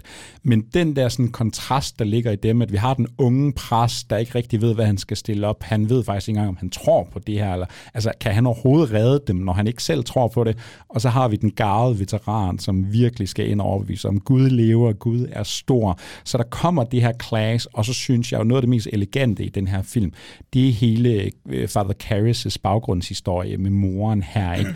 Som ligger døende, og, og det svigt, og den er skide god til ikke nødvendigvis at sådan udtale det hele, men der ligger et svigt omkring øh, søn og mor her, og hendes afgang, og hans misten på troen, og, og hele tiden kamp i det her. Det er Og virkelig den, der, det bliver Og spændende. den bare perfekte spejling, der så er til... Altså, du ved, han, han føler, at han har svigtet sin mor, og samtidig mm. så ser han på en mor, der kæmper for sit Ja. barn. Og det er jo ikke sådan en en-til-en øh, spejling af, hvad han oplever, men, men der er et element af det. Han kan, han kan se noget af, i det, han ligesom går igennem her også. Jeg synes, det er det, det overraskede mig ved gensynet, øh, hvor meget øh, tid af filmen egentlig bruger på, øh, at moren hun skal overtale ham til at ligesom du er nødt til at hjælpe mig, fordi han er faktisk så sådan, jeg har ikke lyst til at røre ved det der, jeg ved ikke, om jeg kan hjælpe. Også det her element af eksorcisme, det er ikke bare lige sådan noget, vi gør Ja, ja, ja. vel. Mm, Men mm. den der, sådan, hun skal virkelig sælge den til ham, at der er noget at kæmpe øh, for, og selv når han så går ind og kæmper for det, jamen, så er det ikke, altså han er ikke nok i sig selv. Han skal simpelthen lige have nogle højere kræfter, der kan hjælpe ham, for at han overhovedet kan gå i gang. Ja, for han har jo en, altså, han har jo en uddannelse. Han har en decideret uddannelse. Han er jo ikke bare præst. Han har, er det, er det, Han har læst til psykolog Ja, og droppet præcis. ud af det, og det er ligesom det, der, man kan ikke, det bliver brugt lidt imod ham, det der med sådan, at det er hans bror, nej, det er morens bror, som han går med, som er sådan, hvis du nu havde holdt fast i det psykolog, så kunne det jo være, at vi kunne have betalt for noget bedre hjælp til hende. Altså den der guilt, der ligesom kommer, samtidig med, at han bare går kigger rundt over det hele, hjemløse, fucking øh, folk, der er på de her mentale institutioner. Ja. Bare se, hvordan Gud har bare forladt alle Ja, steder, og- og ligegyldigt, han- hvor han kigger Altså hen. Jason Miller, han er bare så god der, ikke? Også bare, og den der sådan sølle eksistens, han selv har, ikke? Altså, Mm. han sidder bare på det der sådan lidt kollegiagtige værelse, der er hans øh, kollegapræst, han snakker sådan lidt og nærmest sådan betror sig til, ikke? Øh, og han sidder og drikker lidt på flasken og sådan Mm. noget. Altså, han er jo bare et super sølle menneske, der virkelig skal skrabes op for gulvet for at, at genvinde ja, både troen og gejsten. Det føles lidt som om, nu når vi har efterhånden her, de, der er mange, mange årtiers filmhistorie, så har vi lidt den der præst alene i et værelse, du ved, med First Reformed blandt andet, og, ja, og Bergmans film, og Bresson vist også. Ja. Altså, den der kamp om troen, her vi så sat det ind i en gyserfilm, og det føles som noget af det første, der ligesom gør det, og det fungerer bare sindssygt godt med, Ja, med og det, det, det er ansigt, han har. i, øh, i B-films exploitation-land, jamen så har vi jo noget non-exploitation, ikke? hvor det er jo de her meget konservative mennesker, og så gør man noget erotisk ud af dem, noget voldsomt og drabeligt og sådan noget. Ikke? Men der er det så især kunstfilmen, eller øh, ja, hvis vi nævner en Bergman og den, nogen fra fransk nybølge, sådan noget. altså pressen er bare altid en spændende karakter, ikke? når de bliver udfordret på den der tro, når de bliver udfordret på det spirituelle. Der kan du bare finde noget sådan ja, sådan noget helt sådan menneskeligt i den, Mm. de der konflikterende følelser. Altså, kan jeg overhovedet tro på det her, jeg går og prædiker? Det er jo bare altid en interessant konflikt at at stille op i nogen som helst film. Er, er Karras så mere spændende end Marin, føler du? Eller, Ja. eller føler du også, at Marin har et eller andet, han kan bidrage med? Jeg synes, øh, jeg synes helt klart, at Karras er den, er den mest interessante af dem, men, men hvad hedder det nu? Marin er mere interessant i det usagte, føler jeg, fordi han, vi møder ham jo egentlig som det. Nu, nu så jeg godt nok den extended øh, version, fordi det var den, jeg havde. Ja. George Lucas version med de digitale effekter. For Jar Jar Binks kom gående. For der, der er den gamle biografversion, og så er der så den fra 2001 eller sådan noget, 2000 måske. The version you've never seen before, Ja, som vist det- også det den, kendes jeg under har. Director's Cut. Det var den, vi Ja. så i biografen Ja. også. Øh, inde på HBO, så ligger der biografversionen også, og der er enkelte forskelle, og jeg kan nogle af forskellene, men måske Han nævner, nævner også lige nogle få af dem, men, men den, i hvert fald, den starter jo med ned i det her i Irak, hvor han øh, egentlig er nede, taler om, øh, det, han, han taler om det rigtige sted, hvor de er. Det var et sted, hvor folk de simpelthen kom hen, der kom nogle bad guys, siger jeg bare, Ja, ja, og huggede hovedet af alle, der var der, og af alle statuerne. Det er derfor, han finder et hoved, egentlig, Ja. ja. et lille bitte hoved.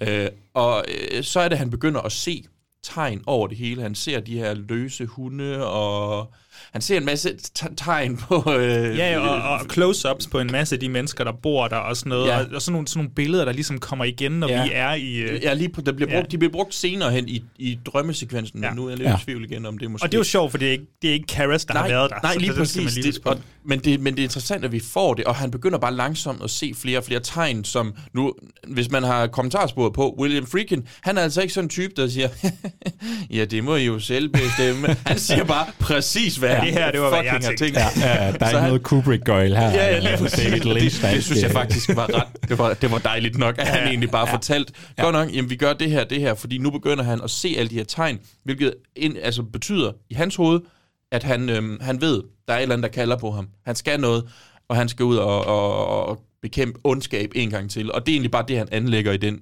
intro. Og det der er så fedt, for som du sagde, Mikkel, han kommer jo først ind i filmen efter en time eller sådan noget. Jeg tror, det er længere tid, det. Ja, det tror jeg virkelig. Altså, det er virkelig sent i filmen, Ja. og han er jo The Exorcist. Ja, det, det er jo det der Batman-symbol op på himlen, ikke? Nu skal han ligesom... Der er lige nu kors, der de efter.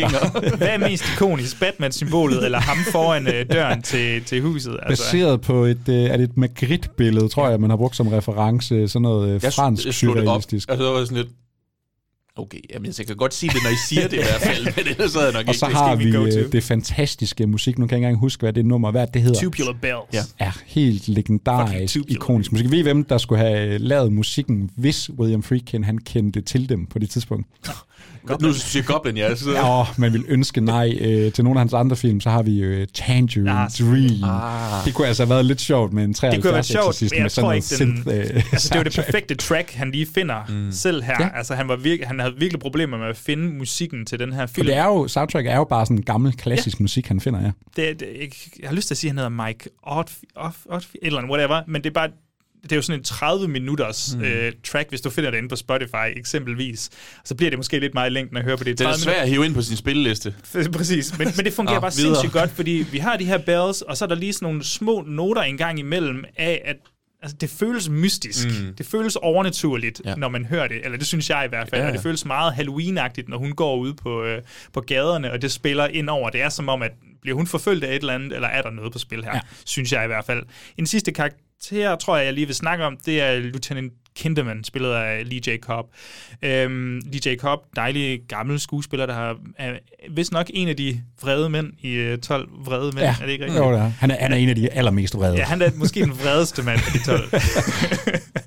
jeg, øh, jeg Knus elsker ham i den her film, og jeg tror også bare, at Knus elsker karakteren. Vi talte lige om det, eller jeg nævnte det lige off mic meget hurtigt ind, men hans karakter er jo nærmest defineret af, at han er filmnørd. Mm-hmm. Øh, og vi har sådan en gammel mand, som han ligner, det ligner, at han altid går og tykker på en cigar, øh, og så inviterer han åbenbart folk med i biografen, hver gang han møder dem, og han vil virkelig gerne være venner med Father Karras her. Har du ja, det bliver sådan lidt en running gag, det der med, at han altid spørger, om folk har tid til at se en film i biografen, og tænker, hvad fanden er du? Og hvis man så har set Exorcisten 3, så, så spiller det en overraskende stor rolle ja. og sådan noget. Mm-hmm. Der tror jeg, det der er det, de skal se It's a Wonderful Life, eller sådan noget, ja, tror jeg, at det bliver ja. brugt i nogle af de sådan marked-sekvenser, der er i den. Nå.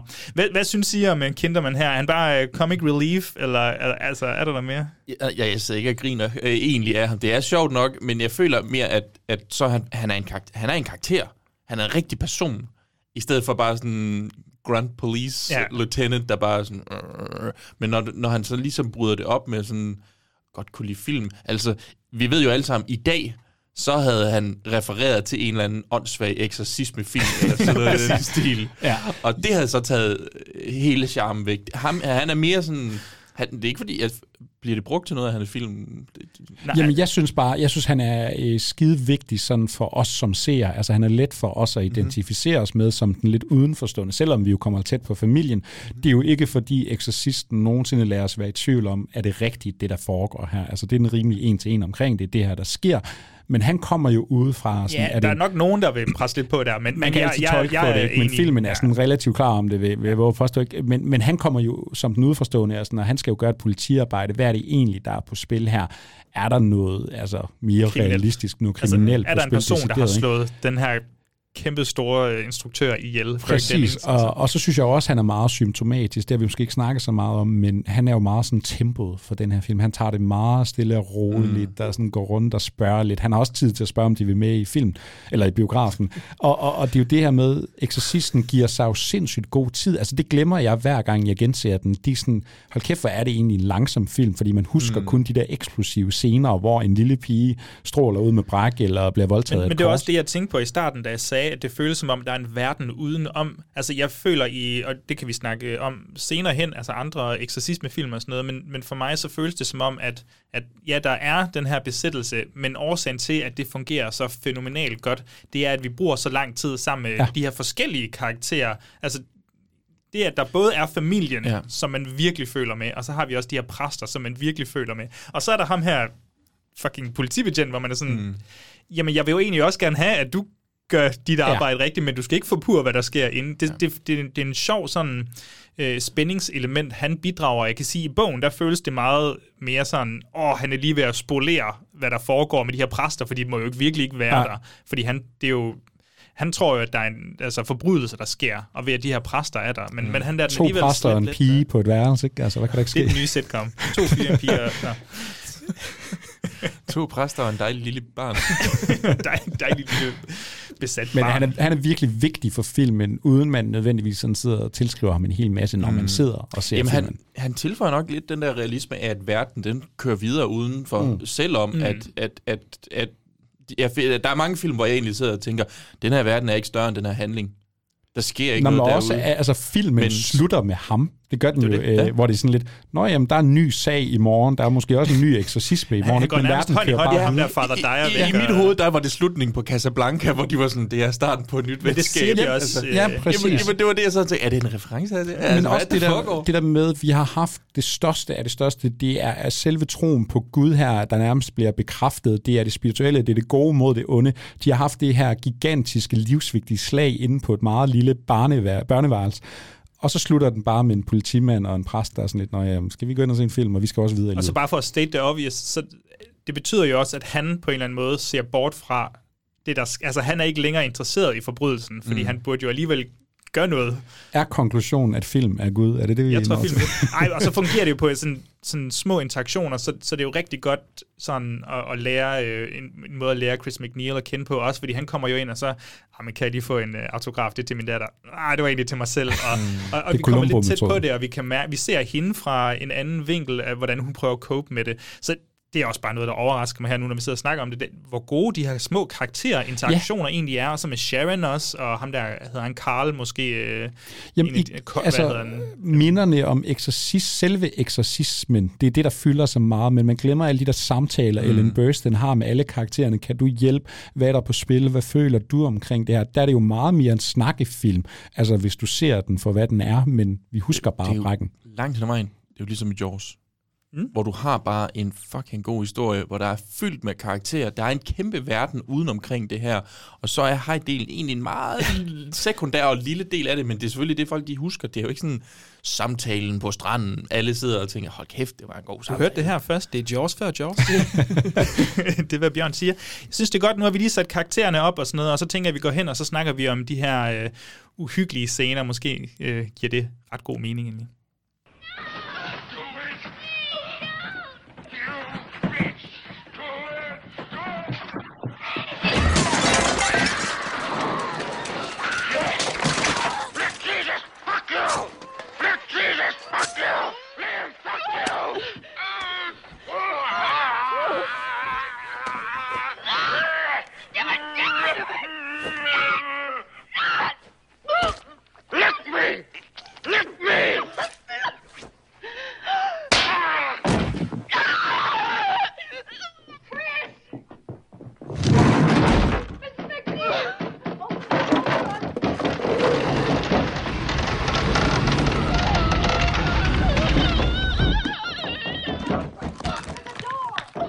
You know what she did? Your canting daughter? Det er 50 år siden, den her film blev lavet. Vi har set et øh, kæmpemæssigt øh, spring i praktiske effekter, og endda i computereffekter, som så endda også er blevet brugt til at ja, ikke restaurere den her film, men, øh, men lave en ny version af den her film. Meget sket, og, øh, og sådan lidt spændt på, om det egentlig holder den dag i dag med, med, med især de her, øh, jeg ved ikke engang, hvad jeg skal kalde dem, de her besættelsesscener. Jeg, øh, jeg har skrevet fem, fem scener, eller sådan fem emner ned her, jeg godt kunne tænke mig at snakke om. Det er jo en film, der du talt om utallige gange før. Mm. Jeg ved ikke, hvor meget nyt vi kan komme med, men jeg tænker, at vi kan gå så specifikt som overhovedet muligt. Så kan det også være, at vi kan få lidt jokes ud af det, eller et eller andet på en eller anden måde. Jeg tror, jeg, jeg, tænker, jeg vil starte med at, sådan, at spørge jer, hvordan den her... Altså, kan I også mærke, det snakkede vi jo egentlig også om, den her langsomme opbygning, og den her besættelse af Reagan, det der med, at der er et helt liv Udover det her, øhm, fungerede det lige så godt for jer i den her omgang? Nu, nu har du egentlig sagt det, Mikkel, at det fungerede rigtig godt for mm. dig, men, men hvad med dig, Bjørn? Kunne du også... Altså, du, er nogle gange lidt påpasselig med de der ældre film, og det kan være lidt langsomt en gang. Og med, den, her, men, den, den, den går jo med i min Okay, det er post, det er- 70 og frem, det er jo det, jeg kan Okay, tåle. super. Og den er ikke Det sådan ud, først- Joachim. Det Det er er helt først, når vi kommer efter. Jeg Nå, men altså, jeg kan sige, selv da jeg så den i biografen, Mm. mm. jamen, den tager sig sgu sin tid, Ja. og den er en lille bitte smule langsom. Altså, det er, jo, det er nok ikke den mest sådan rewatchable af alle de her... Øhm, Ej, jeg ser heller ikke så meget, jeg, har ikke, jeg ser den ikke så meget, som, som det lyder, som om du gør. Altså, jeg har set en god portion gange, men Ja. jeg synes stadig, den er en lille, bitte smule langsom. Mm. Ja, ja, men jeg, jeg synes også, altså, det, der var et tidspunkt, hvor jeg lige var nødt til lige at åbne IMDb op og sådan lidt, hvor lang tid er det, den her film egentlig er? Ja. Altså, to timer og to, okay. Og jeg har nok egentlig set en, der var lidt længere Ja. ja. end det, men... Øh, Øh, den er langsom, men, men, men jeg synes egentlig ikke, det er så slemt. Det er lidt ligesom med Jaws. Det er det der med, at fordi du sådan... Åh, hvad med det? Ja, nå, okay. Altså, karaktererne er ikke sådan nogle ligegyldige karakterer. Altså, det virker som om Freakin jo ligesom har skåret ind til benet det meste af tiden, og Ja. bare været sådan, fuck det der, fuck det der, og fuck det der. Nu snakker Og vi det, med det her. er selvfølgelig skuespilleren, han snakker Fuck til. dig, fuck, fuck dig, fuck dig, vær fuck bedre. dig. Ja. Fucking hiv, nu kommer en pistol. Jo, Øhm, også inden for gysergenren, ikke? Altså sådan, i forhold til, hvad der er uhyggeligt, jamen, så står slaget jo altid mellem, er du til jump scares og de hurtige, øh, de hurtige forskrækkelser, eller er du mere til det der slow burn, hvor vi virkelig bygger op, og måske bygger nogle karakterer, stemning og det der.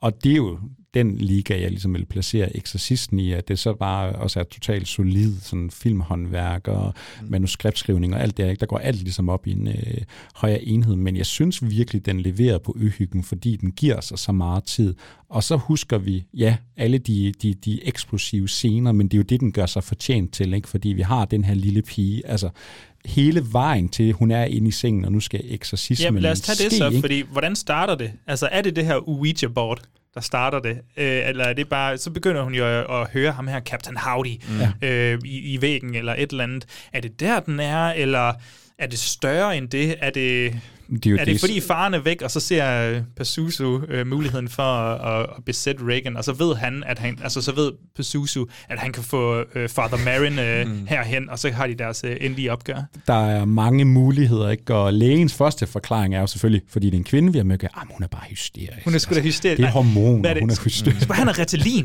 Bare han har ADHD-medicin, så kører vi sgu. Hvis man bare drugger hende op, så falder hun til ro. Ikke? Ja. Men der er ikke noget, der virker. Hun bliver aggressiv. Og det er jo også, det skal vi også lige have med, fantastiske elementer. William Peter Blatty, der viser sig fra sin sjove side. Men der er jo hele den der scene, hvor lægen kommer ind til moren og sådan, hun sagde sådan virkelig nogle hardcore... svovler. Hun, hun svogler som en sømand. Hun siger virkelig nogle voldsomme ting, som jeg ikke tror, hun kender fra andre steder. Moren, hun kan jo ikke lade være med at sidde og grine sådan lidt, og nærmest også Ja. græde lidt samtidig, fordi der er jo et eller andet rusgravende galt, men der er jo også et element, at det her, det er en ung teenagepige med nogle hormoner. Så altså, hvad fanden er det, der er på spil her? Vi kan ikke regne det ud. Kø- køber du vejen, Bjørn? De bor på, eller? Ja, hvis du har råd til det. Jeg tror, huset det er til salg efter til den det. eksorcisme. Det ligger ret fedt, øh, vil jeg sige.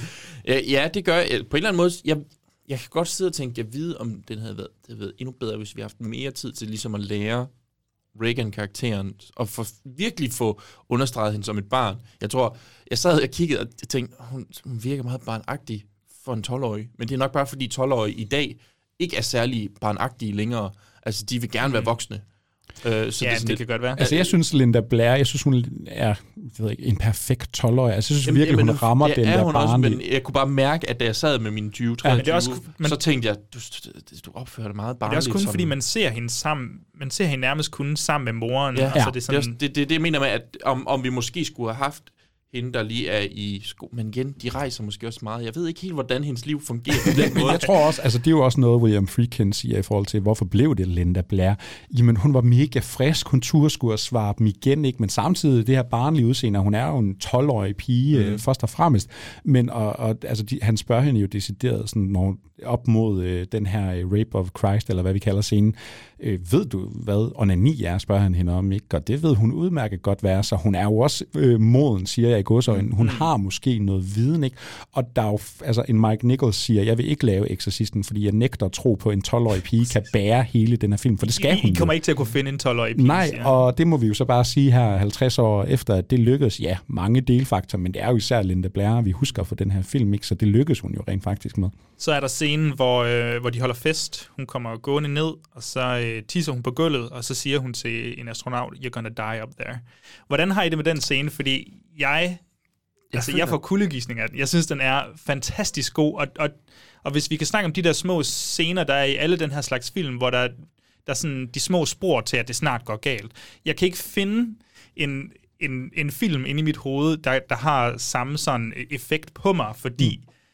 det føles altså, det føles så grotesk, at hun siger, vi er jo nede på jorden, det er religiøst det her, og så siger hun til en astronaut, så kommer til at være oppe i, i rummet, sådan, du kommer til at dø deroppe helt alene, altså Ja. agtigt. Det, for mig så er det sådan helt, wow, det er Jamen, og godt. den er også på en eller anden måde sådan et point of no return for, for, for hendes sådan, øh, rejse med at blive besat, ikke? fordi nu har det op til det her punkt, der har det været meget mellem mor og datter, og så de der få læger, hvor det bliver øh, i talesat som den her, "Nå, men det er sgu nok bare en pige med hormoner. Ikke? Nu står hun ned til festen, kommer ned midt om natten fra sit værelse, kigger dem alle sammen i øjnene og siger, nu er det fucking alvor. Ikke? Altså, hvor det er jo her moren for første, eller måske ikke for første gang, men nu bliver hun jo virkelig bange, fordi Mm. nu, nu går det jo også op for hende, der er et eller andet fuldstændig galt her. Og det er jo så også her efter, hun begynder ligesom at gå til, øh, med, hvad hedder han, Jason Miller, øh, Fatter Ja. Karis her blandt andet, og, og virkelig kommer ud med at sige, jeg skal have, jeg skal have en fixer på det her. Og hvad med, øhm, jeg tænker også, øh, Karas og, øh, og som morfiguren her, og, og Demi, Demi, Demi. Altså, for, for, for, jeg, jeg, synes jo, jeg synes jo, det er jo helt vildt uhyggeligt. Jeg, jeg synes, der er to elementer af det her forhold, der er helt vildt uhyggeligt. Jeg synes, det er uhyggeligt, når han har sine, øh, sit mareridt, og ser, ser han hende komme op fra subwayen, eller er det ham, der Ja, kommer op hun og ser kommer hende op. komme op? Ja. Ja. Synes, det er helt vildt uhyggeligt. Det er også der, vi ser de der hunde, du snakkede om øh, mm-hmm. tidligere. Helvedes hunde. Og, og, og, og hans indre dæmoner bliver blandet sammen med ægte, quote unquote, ægte dæmoner og sådan noget. Og så Ja, dæmonen bruger øh, Præcis, ja. f- morens stemme på et og det er også det, jeg synes, der fungerer ja. rigtig godt. Hvad rammer det sådan nogle øh, gave gysergutter som jer, øh, øh, at vi lige skifter stemme? Det er jo brugt så meget, og, og dimi, dimi, altså. Ja, hvad er det? Det er en øh, ældre skuespillerinde, der lægger stemmen til Pazuzu. Jeg tror, det er en, William Friedkin har opdaget fra nogle gamle western og film, noir-film. Ja, lige præcis. Ja. Hun har en meget sådan, øh, sådan lidt værtshus øh, Mm. forstanders øh, stemme. Hun, hun har rådet mange smøger igennem sit liv og laver den her stemme. Ikke? Jamen, det ved jeg sgu. Ja, jeg tror, det rammer mig, og det er jo også igen, vi er jo altid til, nødt til at tage det med i ligningen, hvor det er jo sådan, ja, vi har set det tusind gange, men det starter på en eller anden måde med Exorcisten, ikke? Altså, det her, det er også en film, der er blevet spoofet til døde, og er blevet hyldet og kopieret i de sidste 50 år. Men når jeg kan se, altså Scary Movie og hvem der ellers har spoofet det her til døde, ikke? Og så gå tilbage til originalen og sige, hold kæft, det rammer mig sgu det her, det er uhyggeligt, jamen så er der altså øh, noget om snakken, synes jeg. Hvad med dig, Bjørn? Altså, du, jeg kunne forestille mig, at du ikke blev helt ramt af det, men, men måske rammer det noget andet. Altså for mig så er det også, fordi det rammer sådan lidt emotionelt, at, at man kan mærke, at Karas, han, han, han, han bliver lidt overrasket, når, hun, når dæmonen bruger den stemme, fordi Ja. hvordan fanden ved, altså, hvordan ved personen, hvordan ved Linda Blair, at Men det er jo fordi, den har defineret ja. sin karakter så godt, ikke? Vi har deres baggrundshistorie, nogle af deres traumer i spil med den fraværende far, og, og, og, og, og ligesom skylden over for sin mor, ikke? Så mm. der Mm. kommer bare så meget i spil. Altså, du, du tænker, Joachim, på det med, at han siger sådan, min mor, hun er død for nylig. Vidst I det her Ja. i det her hu- hus, det bliver household? brugt på dem. Det, Ja. det er med til at opbygge Ja. i hvert fald noget spænding og suspense og sådan noget. Men jeg ved ikke om... Men, ja, men de, de, de, jeg har jo set den så sindssygt mange gange. Det er sådan lidt svært for mig. Jeg bliver jo ikke bange for den her film længere. Det kan jeg lige så godt men afsløre. du føler ikke, altså heller ikke stemningsmæssigt... Øh... Til, til slut kan jeg, der synes jeg, det er lidt creepy. Jeg synes nogle gange, de blikke, hun får, den måde, hun er sminket på, selvfølgelig, ja. det, det synes jeg er unsettling Okay. as fuck. Øh, men, men sådan noget med, at hun roterer hovedet rundt, Ja, nej, nej, og det er sådan noget, det, det, det, det, det får mig ikke super meget, og stemme er heller ikke sådan... Men jeg synes, der, er- der er vildt mange gode ting i det der, også sådan noget med sådan, at, at do you know what I did? Jeg kan tænke Ja, data. ja, jeg kan tænke The dig. mother sucks cock in hell. Men altså for mig er det jo også, det er jo ikke sådan nødvendigvis, at jeg lige bliver skræmt af den ene sætning, eller den der stemme, eller sådan noget, men det er jo bare den der sådan samlede masse af, at her er det bare sådan tabet af uskyld. Djævlen selv nærmest mm. har sat sig en 12-årig pige. Og så også fordi Ellen Burstyn, hun står og skriger og ser mere traumatiseret end nogen mennesker nogensinde har gjort før. Og vi har en Jason Miller med hans uh, trætte, sørgmodige øjne, der mm. bare troen strømmer ud af ham. Han har ikke mere tilbage næsten. Altså, så det er sådan hele samsuriet af det her, den der stemning, den har bygget op. Altså, det er virkelig en film, der rammer mig på atmosfære og stemning. Der synes jeg sgu, den nailer sin uhygge. Jamen, øh, jamen, så du tager mig perfekt over til de her besættelsesscener, så øh, jeg kan spørge lidt generelt, at altså finder I dem uhyggelige? Vi har lavet en hel top 5 øh, i tidernes morgen omkring øh, besættelsesfilm, Mm. øh, men, men, det, men det her greb af folk, Har der du bliver... den på her? Øh, ja, det er jeg ret sikker på, Ja, jeg havde. tror øh, men, men sådan ren og skær uhyggemæssigt, fungerer det, altså er det så noget, der kan komme under huden på jer, øh, at, at der er en person, der er besat? Altså, jeg tænker på øh, øh, The Exorcism of Emily Rose, som ja. vi også har snakket om, at, at der er et eller andet med, at, øh, er det Jennifer Carpenter, hun hedder, mm-hmm. at hun virkelig, øh, altså hun kan hun bruge sin krop. bare kroppen som ind i helvede. Og hun har et godt ansigt til det, og hun kan virkelig åbne munden. Ja. Altså, det er fuldstændig banalt, når man sidder og siger det, men, men hun kan virkelig dedikere sin krop til det her. Ja. Ofte så får vi også noget CGI og sådan noget, som jeg ikke er helt med på, men, men for mig så kan det blive brugt godt. Men er det sådan noget, øh, der rammer jer mere end, øh, end Jeg andet? tror ikke, jeg er nødvendigvis super meget til besættelsesgenren, men det er, fordi jeg altid sidder med sådan en følelse, om I gør, hvad Exorcisten gjorde, Ja. men den gjorde det bare så meget bedre. Øh, Så jeg ved ikke, om det sådan koncept er en subgenre, jeg egentlig interesserer mig super meget for, men det er jo det der med at tage et menneske og vende det imod alle dem, den ligesom har kært, ikke? og fjerne mm. mennesket fra det. Selvfølgelig, det der med at miste kontrollen over sig selv, det er jo bare sådan helt menneskeligt, øh, psykologisk, øh, mega uhyggeligt for os alle sammen, mm. så der rammer den jo nogle velkendte ting, man, ja, jeg kan lade mig skræmme af. Og så tror jeg også for mig, så er der et element af, altså det, det er jo så sindssygt godt, at det her det er den første film, vi får i den her genre, og så er det med en 12-årig pige, vi har med at gøre. Og når vi så ser, at der er overgreb, der er altså folk, der bliver kastet rundt, der er bræk ud over det hele. Undergreb. der er undergreb, må man sige. Der er folk, der svines til, øh, og der er help me, der bliver skrevet mm. på hendes mave, og der masturberes blodigt med en ja. kors og sådan noget. Altså, for mig så er der et element af, at det her... Og det var bare er, din lørdag. Og det var bare... jeg har skrevet mine noter, det er sikkert noget, der sker i den katolske kirke, som de måske bare holder lidt... Øh, måske. Øh, ja. Øh, det fejrer under gulvtæppet der. det er deres firmafest. Præcis, men, men det er jo fuldstændig øde destruktionen af det uskyldige. Mm. Og det er det, den starter med her. Og jeg føler, at det er det, som du siger, Mikkel, at det er det, alle andre film i den her subgenre har forsøgt at... Jamen, præcis, og, og er det ikke også super interessant? Hvis vi tager zombie-genren, så kan vi sige, øh, når den starter med Night of the Living Dead i hvad, 68. Jeg synes, der er mange... Det er en skide god film, det skal være den første til at sige. Jeg synes, øh, så har vi haft 50 års zombiefilm siden. Jeg synes, der er mange, der har gjort det bedre end Night of the Living Dead. Vi kan sige det samme om en slasherfilm, hvis den starter med noget Halloween. Jeg synes, der er mange, der har gjort det bedre så lad os sige besættelsesfilmen, som den moderne er, ikke? så starter den i 73. Er der rigtig nogen, der har gjort det bedre end Exorcisten? Det er der måske ikke. Nej, nej men det... Og det er også lidt det, vi kommer frem til med hej-film egentlig. Jo, jeg tror Jamen, også, starter, med, starter og slutter med Jaws. Sagde du Sharknado 4 ikke er bedre end Jaws, eller hvad er det for? det er godt, jeg, jeg, vi skal lige have det i mente, fordi jeg har lige et segment senere, hvor vi skal snakke om, altså er, er der nogen, der kan komme tæt på den her film mm. overhovedet? Mm. Jeg tænkte også lige øhm, hospitalscenerne. Vi har snakket lidt om den at øh, det var nogen publikum, og også mig vil jeg sige, når hun skal få taget, taget den her spinal fluid et eller andet, eller hvad fanden er de i gang med. Man sidder sådan og vemmes lidt, men, men har det en større forbindelse til den her film, end bare nu skal hun på hospitalet, fordi det er lige et plotpunkt, vi skal have, have krydset over her. Øhm, altså det giver mening, at de bliver nødt til at vise den vej, føler jeg, at de ikke bare sådan starter ud med at sige, jeg tror, vi skal have fat i en eksorcist.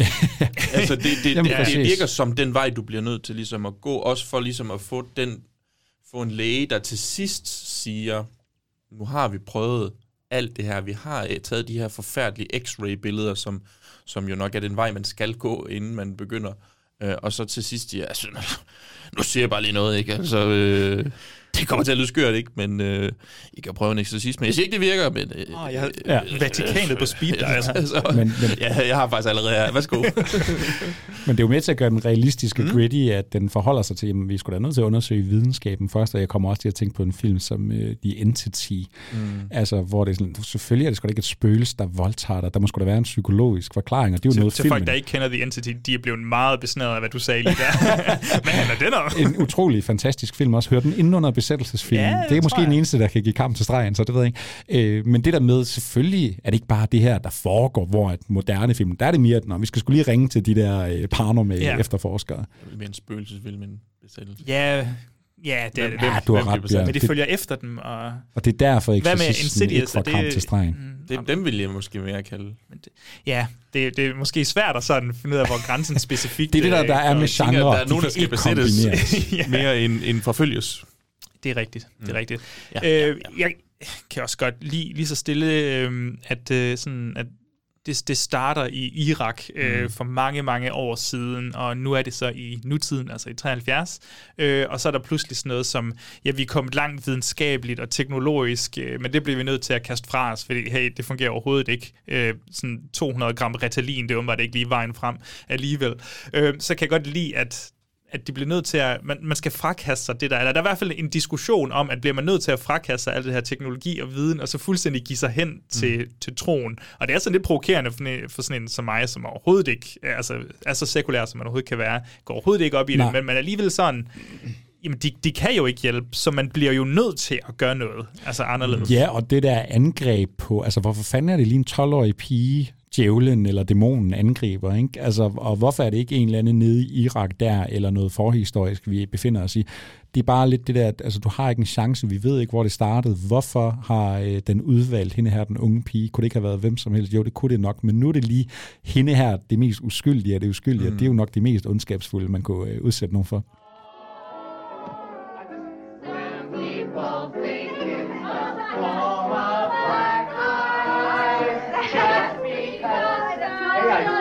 Got a guest.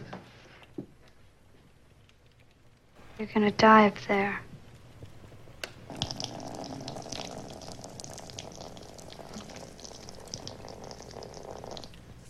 Reagan? Oh my God, honey. Honey, what's the matter? I'm sorry she's been sick. She didn't know what she was saying. Okay. Come upstairs. Der er jo også lidt forskellige slutninger på, øh, på den her film, afhængig af, hvilken version du får. Jeg er, ikke, jeg er faktisk ikke 100% på forskellen. Jeg føler, at øh, slut, slutter begge film med den her samtale mellem Kinderman og Father Dyer, der ligesom siger, he's looking at you, kid, og starten på et øh, nyt venskab, og whatever. Det tror jeg måske, de gør, men måske er det uddybet mere i... Øh, Ja, i der er sådan noget, det der med for eksempel, at han giver øh, halskæden, og han får halskæden af, hvad hedder hun, øhm, Chris. Ja, ja, Chris, ja. ja. Og så øh, i den extended, så giver han egentlig tilbage til hende, øh, og siger et eller andet, eller jeg tror, du har mere brug for den, jeg har. Mm.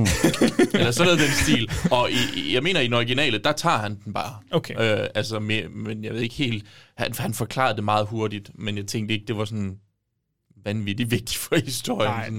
Men altså, det var sådan en fremtidsting. Men det var sådan noget, som William Peter Blatty, han virkelig insisterede på. Han Ja. følte, der, er- der er nogle ting, han har tilføjet øh, til den her. Øh, det er øh, i, i hans version, i den seneste version, The Version You've Never Seen Before, der starter den jo ikke i Irak. Der starter den meget kort Ja. øh, i Georgetown, eller whatever, øh, hvor, øh, hvor man lige ser øh, Jomfru Maria blive- huset, Ja. og så kører den ned på gaden, og så fader den over i, i Jomfru Maria ind i den. Der bliver, hvem er det egentlig, der disgracer den? Jamen, det er jo et godt, godt spørgsmål. Det, det tror jeg, det er et ubesvaret spørgsmål. Øh, Det er det irriterende. Hvorfor siger han ikke det? det ved jeg ikke. Han har sagt alt andet. Og så kommer vi så til Irak, og så den anden sådan betydeligt, eller jeg kan også sige, den, den nok mest velkendte scene, der er tilføjet, det er jo så Spider-Walk-scenen, Mm. mm. Mm. øh, som jeg ikke bryder mig super meget om selv, men den er altså kommet ind, fordi at øh, øh, nu, nu kan de fjerne de her sådan snore, der holder øh, stunt-kvinden øh, fast med CGI. Det kunne de jo ikke dengang, så Mm. det så jo helvedes det ud. Og så tror jeg heller ikke, Freakin dengang var super glad for det, men nu var han lidt sådan, ja, ja, fuck it, jeg vil gerne tjene nogle flere penge. Ej. Ja, og, og hvordan er det øhm, scenen, hvor... Scenen på trappen, hvis det er den. Ja, Altså, Father Kyrus' øh, kollega der også, der ligesom kommer Nå. ud og sådan holder ham, og, og ligesom sådan... Hvad, hvad, hvad fanden er, kan I huske, hvad han siger? Siger han et eller andet til Father Kyrus i sådan nogle døende ord? Åh, eller et eller andet? være, ja. Men jeg tror ligesom, den bliver sådan lidt du ved, Gud er med der som jeg husker det. Og det er jo noget, øh, William Friedkin, han havde. Altså, han synes jo, det er ligesom forpurret hele slutningen, og det ark, han ligesom havde bygget op omkring Father Karras, at Gud er med der, bror. Ikke? Øh, Han vil gerne have det mere tvetydigt. Ja. Øhm, og, og, og det er også derfor, han ikke brød sig så meget om, i hvert fald da filmen blev lavet, at, at Blatty gerne vil have den her scene ind, hvor de sidder på trappen i et fantastisk skud i øvrigt, men så forklarer de ligesom, hvad selve filmen handler om. Øh, og det er, hvor at, øh, at Karras, han siger sådan, oh, men, hvad, hvad skal alt det her til for? Hvorfor vil djævlen besætte en 12-årig pige? Hvad er det, der foregår? Det kan jeg simpelthen ikke forstå. Og Marion siger, jeg tror måske ikke, det handler så meget om pigen, men måske handler det mere om at få det værste frem i os andre Ja. som mennesker. Og, og jeg, jeg, jeg er sådan lidt sådan, det ved jeg ikke, jeg kan ikke helt finde ud af, hvad jeg synes om det, fordi scenen i sig selv er god, men jeg bryder mig heller ikke om, at det bliver gjort så tydeligt. Nej. Men på den anden side, så er det en mega spændende tanke, det her med, at, øh, at, at, øh, at det handler ikke om pigen, der er besat, det handler egentlig om de andre mennesker. Sådan har jeg ikke altid kigget på øh, Possession-film før, så det er Mm. egentlig et sjovt perspektiv på det. Men det er der, hvor jeg også synes, at altså, det her samarbejde mellem uh, Blatty og Friedkin, det bare, de komplementerer hinanden så godt, og det er derfor, vi står med den her øh, ikoniske film nok øh, til syvende og sidst. Han, Blatty har jo været meget mere interesseret, det er også ham, der har skrevet bogen, han har været meget mere interesseret i alle trospørgsmålene og de Mm. tematiske, øh, hvad skal man sige, headlines, hvor Friedkin, jamen han har haft filmen inde i sit hoved, han er filmmager, han kan lave en vild film, han kan bygge karakterer op, altså igennem filmsprog og alt det her ud fra det manuskript, Blatty nu har leveret til ham. Ikke? Så på den måde har de jo kunne forene, men man skal heller ikke undervurdere, der er jo lavet mange dokumentarer også om øh, historierne her, der er Leap of Fate, hvor øh, Friedkin jo bare fortæller, øh, det var det her, der skete, og det var Ja, de her tanker, der var på planen. Ikke? Men altså, det er jo The Battle of the Willies, det her. Mm. De har altså haft mange slagsmål øh, på produktionen. Battle of the Willies. er sikker på, at det også er en pornofilm eller et eller andet. I don't know. Øhm, Ellers er det senere i dag. jeg tænkte også, at... Øhm, jeg ved godt, Bjørn, du, kan- du kan være lidt sådan påpasselig med, hvor meget er intenderet fra vores øh, instruktører og forfattere og sådan noget. Hvor meget mm. prøver den her film egentlig at sige? Men, men kan du mærke, at den måske har et eller andet på hjerte, og i så fald hvad? Ja, jo, jo, den her, den, den føler man det, at der vil jeg ikke fratrække noget. Det er mere nogle gange, når vi laver det der, når vi virkelig tager dansklærer brillerne på, Ja. og sådan lidt. Ved du hvad, jeg tror bare, den afspejler den iranske revolution. Og sådan, Nej, det tror jeg altså ikke. Ikke helt 100 på det, men måske. Øh, altså. men, men du læser bare det, du vil ind i den. Den her, der er ikke sådan super meget tvivl, og jeg føler også, at du ved, når du har både bogen, du har ligesom to skabende øh, kræfter, eller? kræfter øh, i, i, i, i The Willies, så øh, jeg, jeg, var også, jeg var også træt af, at jeg sagde det lige, da jeg sagde det, kunne jeg godt mærke.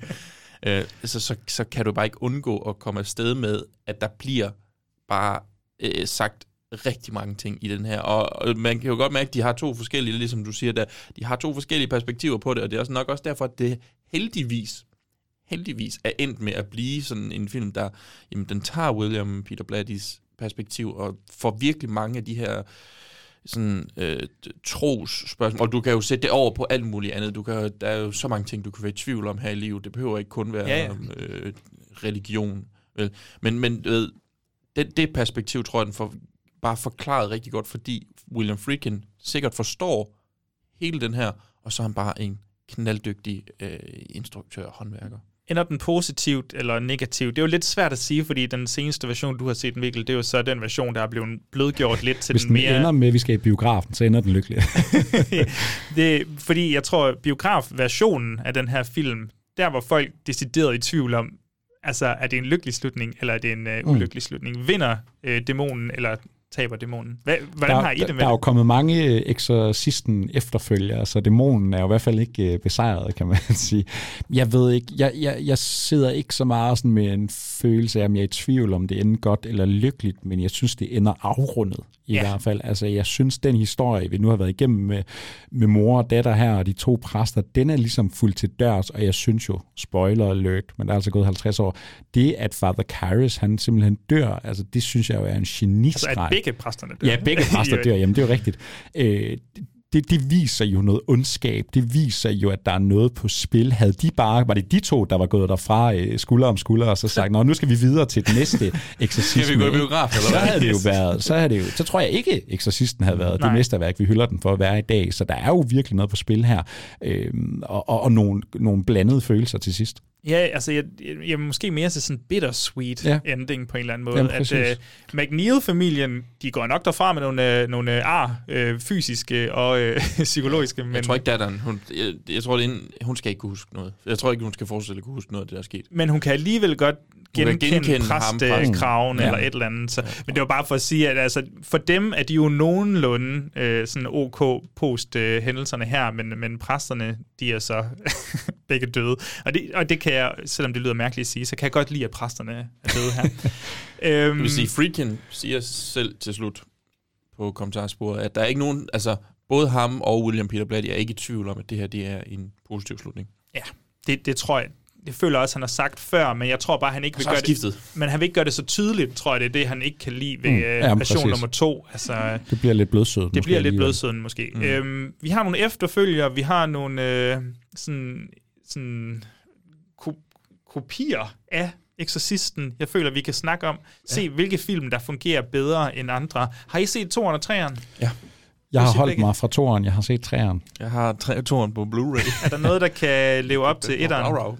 Nej, de bliver ved med at sige Pazuzu hele tiden, det, og det bliver fjollet. Altså, det, det er jo det, genistregen ved etteren, det er, at de, de ikke på øh, et eneste tidspunkt siger ordet Pazuzu.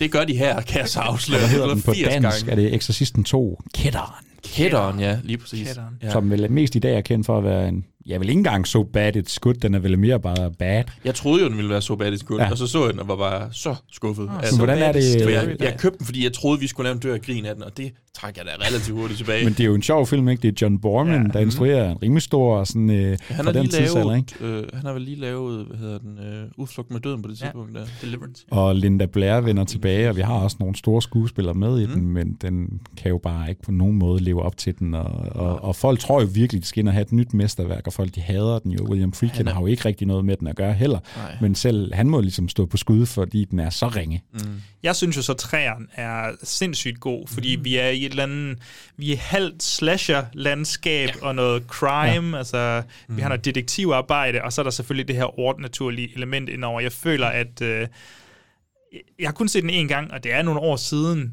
men jeg føler bare, at jeg kan huske stemningen, og jeg føler ligesom, at jeg kan huske sådan kulisserne. Jeg husker ja. byen, som spillede en overraskende stor ja. rolle, og det ser Mm. bare sådan nitty-gritty ud, sådan lidt hvad Karras, han øh, øh, forestiller sig i en, sin marit. Det er ligesom det, vi ser i, i træerne her. William Peter Blatty, han skriver jo en øh, efterfølger til Exorcisten på bog, der hedder Legion, og han går jo også ind og instruerer træerne selv. Hvad den fra 1990, tror jeg, eller sådan noget. Øh, den instruerer han jo selv, og det siger jo også noget om, hvor meget fø, fylder i hans liv. Vi har en, er det en Brad Dourif og en George C. Scott, og Jason Miller vender der også øh, kort tilbage i hvert Ja, fald. er det afhængig af versionen, man ser? Ja, det kan godt være, for der er jo to udgaver. Der er, øh, Ja, Legion og så Exorcisten 3. Præcis, og hvordan William Peter Blatty, han kan stå inden for Legion-cuttet. Jeg tror, Ja, det, det er sådan, det er der. sådan, Ja, øhm, jeg tror, jeg har set Legion-cuttet. Jeg har også kun set den en gang, men en super fed film, og en film, der jo har fået mega opblomstring på det sidste. Altså, jeg har en god kammerat, han sagde forleden, jamen han foretrækker faktisk træerne frem for den originale, ikke? Og det er sådan lidt en diskurs, der er opstået. Den har virkelig fået noget at byde på, og så øh, dukkede den jo også op i den her øh, Dormer-serie inde på øh, Netflix, som alle så. Mm. Og det betyder, altså jeg har kollegaer, som øh, altså unge, en 20-årig pige, der ligesom, når jeg så Exorcisten 3 i går, det er sådan en pige, der ikke har nogen interesse i gyserfilm, fordi nå, det var, den var med i Dormer, og den lå på Netflix, det tjekker vi da lige ud, og så er det sådan, hvad fanden er det her? altså, men er det ikke fedt, hvis sådan Exorcisten 3 også når ud i noget mere Jo, mainstream af det, det synes jeg. Så skal vi lave en episode. Hvad, hvad med... Ja, vi skal helt klart snakke om træerne. Ja, ja. Øh, jeg ved Jeg ikke, om kan vi, kun øh, være gæst på toren, det skal jeg lige sige. Hvad med firen, Dominion? ja, skal vi Den- snakke jeg lidt ved, om du Paul har, du har set den. Jeg ved ikke, om du har set den, Bjørn. Øh, Der, er, jo- der er jo to versioner igen. Det, Jamen, det hvor, for- hvorfor skal det her franchise være så... Okay, hvis jeg skal være helt ærlig, Har du også, set Rennie Harlin-versionen eller Paul Schrader-versionen? Og man kan jo godt sige, er der to instruktører, der er længere fra hinanden end Paul Schrader og Rennie Harlin? Det ved jeg ikke, men... Øh, Der, ja, det kan Mikkel, du kan lige få lov til at forklare, hvad... Ja, øh, nu kan jeg ikke huske, hvem, hvem sidder Stem. med rettighederne til... Øh, er det noget Warner, så hvis det ligger Det, på det må så være Warner næsten. I hvert fald, man vil gerne have gang i øh, Exorcist-møllen igen med en franchise her, så er det været i 2004, der, s- det fem, ja, der sætter man en øh, Paul Schrader til det. Man kommer over på Movie Podcast, hvis man vil høre mere om øh, Paul Schrader. Vi har lavet mange episoder om mandens karriere, og han er jo også på mange måder ligesom William Friedkin, en mand, der har visioner, en mand, der tør sige fra og øh, All kæmper med studierne, ja, og ikke giver en fuck. Han har rigtig mange problemer med sin Exorcisten-film. Så mange, at øh, hvem end der nu producerer den her film, de vælger at sige, Paul Schrader, vi kan ikke bruge din film til en fucking skid.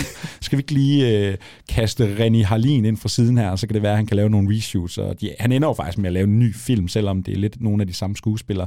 Vi har en øh, Stellan Skarsgård blandt andet. Og det sjove er jo også, det er som om efterfølgerne, de har taget mere udgangspunkt i de der første fem minutter i den der indskudte scene, hvor vi er i Irak. Mm. Øh, det, er jo, det er jo blandt andet det Dominion her, mm. den udspiller sig i. Er nede i Irak og følger noget der, men ja, det er utroligt, at en film fra 73 med praktiske effekter, den kan stå så meget bedre end en, en film fra 2005, der forsøger sig med noget CGI. Det, det, den er ikke så dårlig som sit ry, i hvert fald Schrader-versionen. Men den er Øh, mere interesseret i nogle... Jeg føler, der er nogle større spørgsmål, hister her, om religion især. Og nu spurgte du jo, hvem kunne ellers have instrueret Exorcisten i 73? Jamen Paul Schrader, en mand, der altså også er interesseret i uh, tro, og bare det at forsage tro, ikke om der overhovedet er noget, der, der, der er større end det. Ikke? Det er altså manden, der Hvis, hvis Schrader instruerede den i 73, jeg tror, det vil blive den måske mest kyniske film, jeg nogensinde... han var småsur dengang, og han er stadig også småsur den dag i dag. Jeg nævner nogle titler nu, Bjørn. Mm-hmm. Uh, Deliver Us From Evil, The Exorcism of Emily Rose, The Ride, The Witch, The Wailing, og så alle Conjuring-filmene. Mm-hmm. Er der noget af det, som kan leve op til Exorcisten? Er der no, altså, kan du mærke nogle tydelige spor, eller, eller al- altså, står den bare for sig selv, og så kan slet ikke engang øh, Ed og Lorraine Warren øh, leve op til det? Øh, nej, men fordi øh, selv, selv Conjuring-filmen, så nu, nu gik det lidt stærkt, men jeg tror, det vil jeg nok sige nok er de bedste. De Mm. to første Conjuring-film er nok de bedste af dem, du lige nævnte umiddelbart. Ja. Ja. Måske sagde du The Wailing. Altså, The Witch og The Wailing, den har også et slags oh. besættelse. Ja, okay. Øhm, ja, men jeg vil stadigvæk sige, altså du ved, mange af dem, de tager lidt en anden øhm, drejning. Der er mange af dem, der ikke formår at ramme den her realisme, der gør, at man sådan lidt frygter for den her person. Og virkelig, jeg tror, det var, jeg tror, det var det, der var, dengang jeg var barn. Jeg tror, jeg tænkte meget på den, fordi jeg troede, det var en virkelig ting, at der var en person, Ja. Et sted, der lige, det her, det var sket for helt en til en-agtigt. Jamen, jeg, er det ikke uh, The Conjuring 3, den der Devil Made Me Do It? Den starter jo med en dreng, der er men- besat. Jeg tror decideret, den er, det er øh, baseret på samme idé, som Exorcisten baserer sig på med ham med Okay, drengen der. men det, det, åh, det er meget lang tid siden, jeg har set træerne, og det er Nå, bare... det kan godt være, Jamen, det er ret faktisk. sikker på, hvor Ja, ja. kroppen også er i forvredning. Det er så bare noget CGI-maskiner. det der i stedet bord for. der? Jo, lige præcis. Jeg tror, den baserer sig på samme sag. There you go. Jeg, kan, altså, hvad kan man mærke, at Men- Conjuring-filmen har taget fra Exorcisten? Ah, men jeg- tror, de prøver lidt Eller med, lånt. med, noget, med, med noget menneskelighed i, i familierne, Ja. øh, som man besøger. Det, det, det føler jeg i hvert fald altid spiller en stor del af, øh, at vi skal øh, føle for familien, før vi ligesom indsparker det her. Øh, for, hvor for eksempel, øh, hvad hedder hun, um, the, the, the Exorcism of Emily Rose, jeg hu- husker det som om, hun tager det bare afsted på skole, og det er der, det begynder at gå galt. Ja, det, men den er også lidt mere fokuseret på sådan, at det der retssag. Ja, ja, ja, lige så, så den... Det er Øh, ja, altså, og jeg The tror- Bride er også sådan lidt... Jamen, den har jeg ikke set. Jeg tænkte måske bare, Nå. det var en, du havde... Jo, men det har jeg godt ja. set.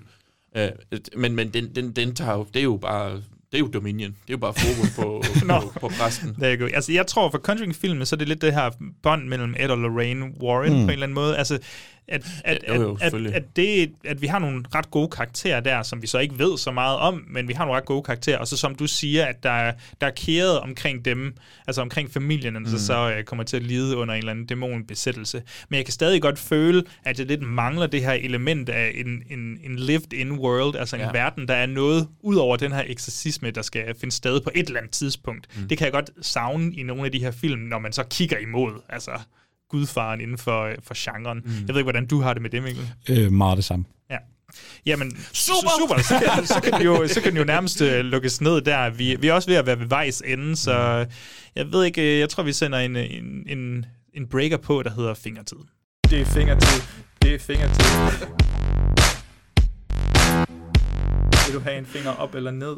Fingertid er selvfølgelig segmentet i Gysergutterne, hvor, øh, hvor vi skal finde ud af, om en, en given film holder den dag i dag. Øh, vi giver finger op eller ned på, om det er en god film, og vi giver finger op eller ned på, om det er en hyggelig film.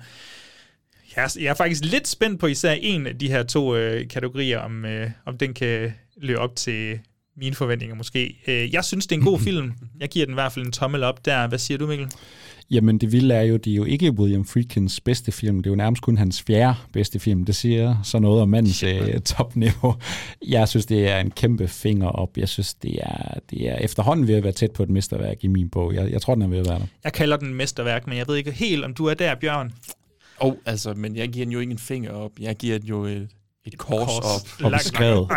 Nej, det var slet ikke der, jeg var. Hey, altså.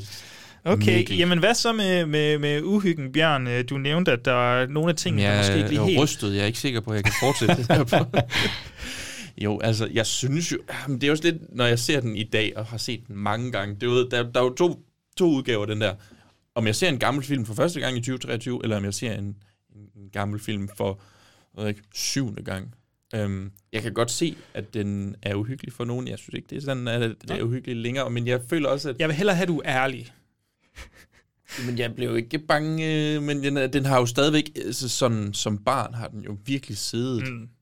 rigtig meget i mit hoved. Ik- igen, det var egentlig ikke, fordi jeg sådan rent var bange for, at, at, at øh, der ville stå hjælp mig på- på maven af mig, eller eller andet den stil, men jeg kan bare huske, altså den har bare... Øh, ja, ja, okay, jeg, hvad, jeg tror sgu, jeg giver den ned. Den har aldrig sådan rigtig Okay. øh, skræmt mig. Det er godt. Så- Vi får hele processen her. Ja, det er fordi, at jeg, jeg kan mærke, ellers så får jeg beskeder Døren er lige herovre, Bjørn. Get the fuck out of folk er sådan, Nå. fuck dig, dit svin. Hvad med dig, Mikkel? Hvorfor skal han altid være på tværs, altså? Jamen, jeg ved det ikke. Vi har lige set den i biografen. Jeg vil ja. sige, det for mig gjorde især et eller andet, at du er så... Øhm, hvad hedder det, sådan omslugt eller omringet af, Ja, af mig. af, af dig og, og, og musikken ikke mindst. Øh, Jeg, jeg vil nok give den en tommel op på uhyggen i hvert fald. Jamen, øh, jeg vil sige, jeg tror også, jeg har set den en fire-fem gange efterhånden øh, hen over de sidste mange år. Havde du spurgt mig, da jeg genså den sidste år omkring noget Halloween, så havde jeg sagt nej. Der manglede jeg simpelthen lige den der connection af, hvad fanden er det lige, folk øh, bliver ramt af her, mm. selvom der jo er alle de her effekter og den unge pige. Jeg vil sige, efter gensynet i biografen her, øh, for mig er det jo hyggeligt. Det er ikke djævlen eller dæmonen, der ligesom slår ud. Det er ikke brækken og øh, øh, blod på korset og alt det her. For mig ligger det uhyggeligt i den der stemning omkring øh, moren, der kan se sit barn blive taget fra hende. Øh, øh, barnet, der ligesom ikke kan få kontrol over sig selv. Og især faktisk øh, altså, øh, Father Karras-karakteren og hans, øh, den her skyld over for moren, der rammer den mig faktisk rigtig meget. Jeg synes, det er enormt godt portrætteret i sådan en oh, alt er bare sådan ubehageligt. Altså, Den, den handler jo bare om magtesløshed, og Ja. man kan godt selv få lidt den der følelse af, åh, altså man går jo igennem alt det, som alle karaktererne går igennem i film, og man føler sig også selv sådan lidt magtesløs, lidt ramt. Du modtager bare alle de her rasler. Det, det var en tommel op. Det er en tommel op på uhyggelig. Jeg synes, det er, den er sgu uhyggelig. Fedt, fedt, fedt, fedt. Puha. Jeg synes, Hawk er, er rigtig svær i, i den her omgang. Vi skal ligesom øh, lave en MVP her. Der er, der er en hel masse nomineret, føler jeg, fordi det er virkelig en film, som vi har snakket om, som, som beror på så mange forskellige gode præstationer. Altså, du skal have en sindssygt god præstation fra den 12-årige Linda Blair. Det, det er du simpelthen nødt til. Du skal have en sindssygt god øh, præstation fra, fra Ellen Burstyn, fordi, ja, hvis, hvis moren bare er sådan semi-indifferent, så, øh, så havde det ikke fungeret på den samme måde. Og så igen, øh, altså Jason Miller og Max von Sydow, de skal bare fungere.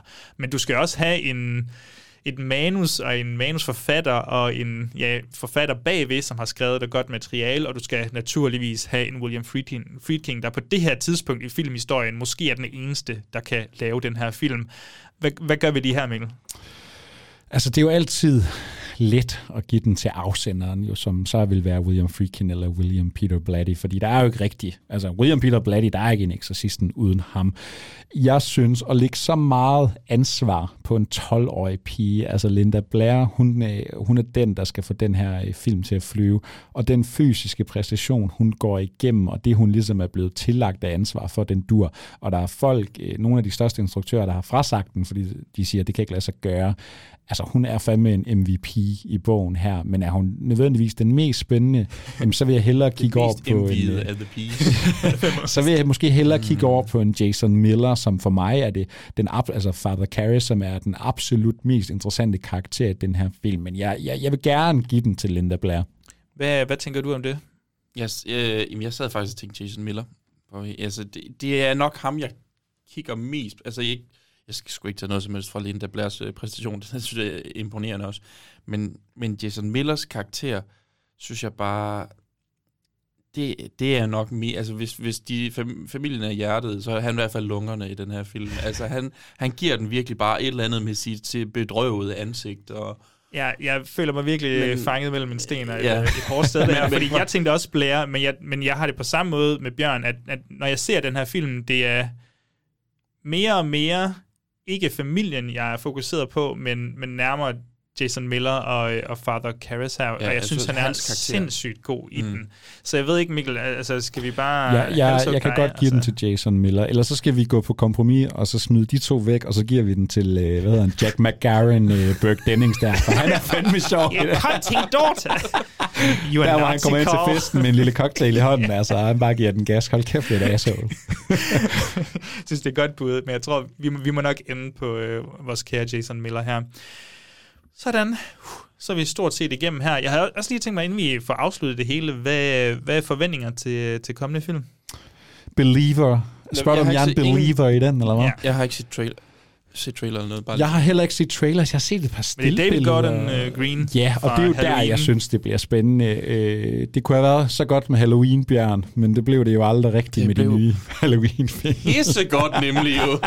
Men jeg synes jo altid, når sådan en, altså ja, en David Gordon Green, som var, var kendt for at kunne at lave komediefilm, og så siger jeg, nu skal jeg ind og lave de nye Halloween-film, Nå, men jeg skal også lave den nye Exorcisten, og jeg ved, manden kan lave film, jamen så bliver jeg altid lidt interesseret i, hvad, hvor, hvor galt eller genialt kan det ligesom øh, begå. Jeg, jeg har set nogle stillbilleder af nogle piger, der ser lidt besat ud. Det ved jeg sgu ikke, om jeg er Jeg helt blev solgt på. påtvunget en trailer i, Ja. ja. i biografen. Jeg, jeg, jeg tror ikke, jeg er helt solgt på det, men er jeg klar på mere Exorcisten? Ja, selvfølgelig er jeg sgu da det. Er du klar, Bjørn?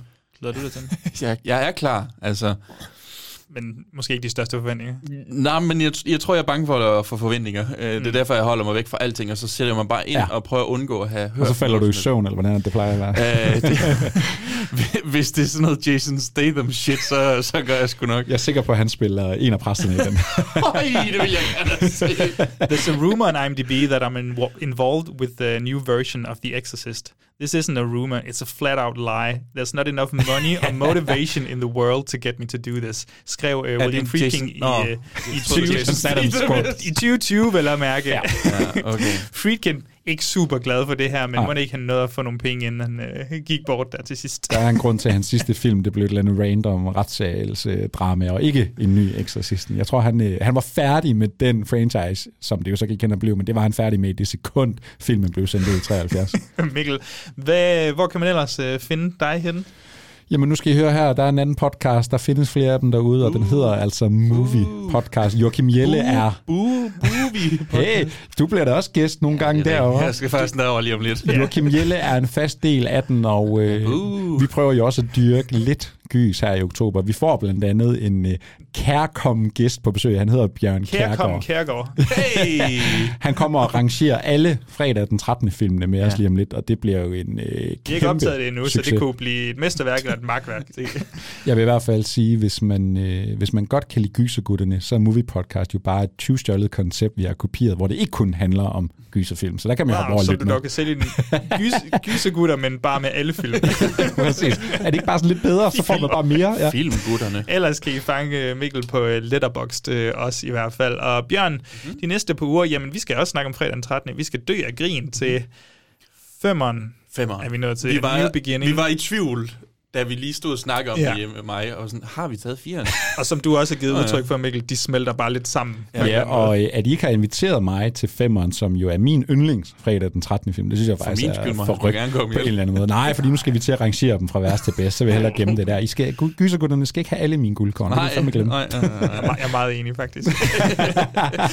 og så øh, ugen efter, så, øh, så skal der anmeldes den nye Exorcist-film, og The Fall, og Huset Ushers Fald, er det ikke det, den hedder? The, house of, the Fall of the House of Usher. Ja, there you go.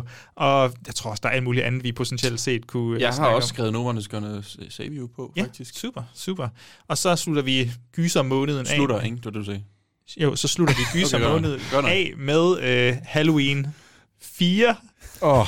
The Return of Michael Myers. Uh. Vi har et stærkt Held, program. held og lykke, mand. Det er de fede titler, jeg har fundet frem her. Nu er I kommet til de fede romertalsfilm. Ja, yes, det kan virkelig noget. Men ellers er der ikke så meget andet end at sige uh, tak for denne gang, Gyser Gutter. Tak fordi jeg måtte komme og bedrive en eksorcisme på jer to. Det havde I fandme brug for. I Ja. har været hjemsøgt længe. Vi måtte jo få uh, blessed the room, inden du kom. Mm. nu skal vi have det rengjort. Jeg er som sådan en vampyr, der lige skal inviteres indenfor, men øh, nu vil jeg lige brække mig over i hjernet her, så kan I få lov at tørre op. Bjørn har sådan en halv liters dejlige pissgult vig vand med øh, i en flaske, som han bare tonset ud over det hele her. Så der, det, lug, det lugter sådan lidt skarpt herinde. men Jamen, det er så dejligt. Det er måske meget fint. Og det er sådan, man afslutter en podcast.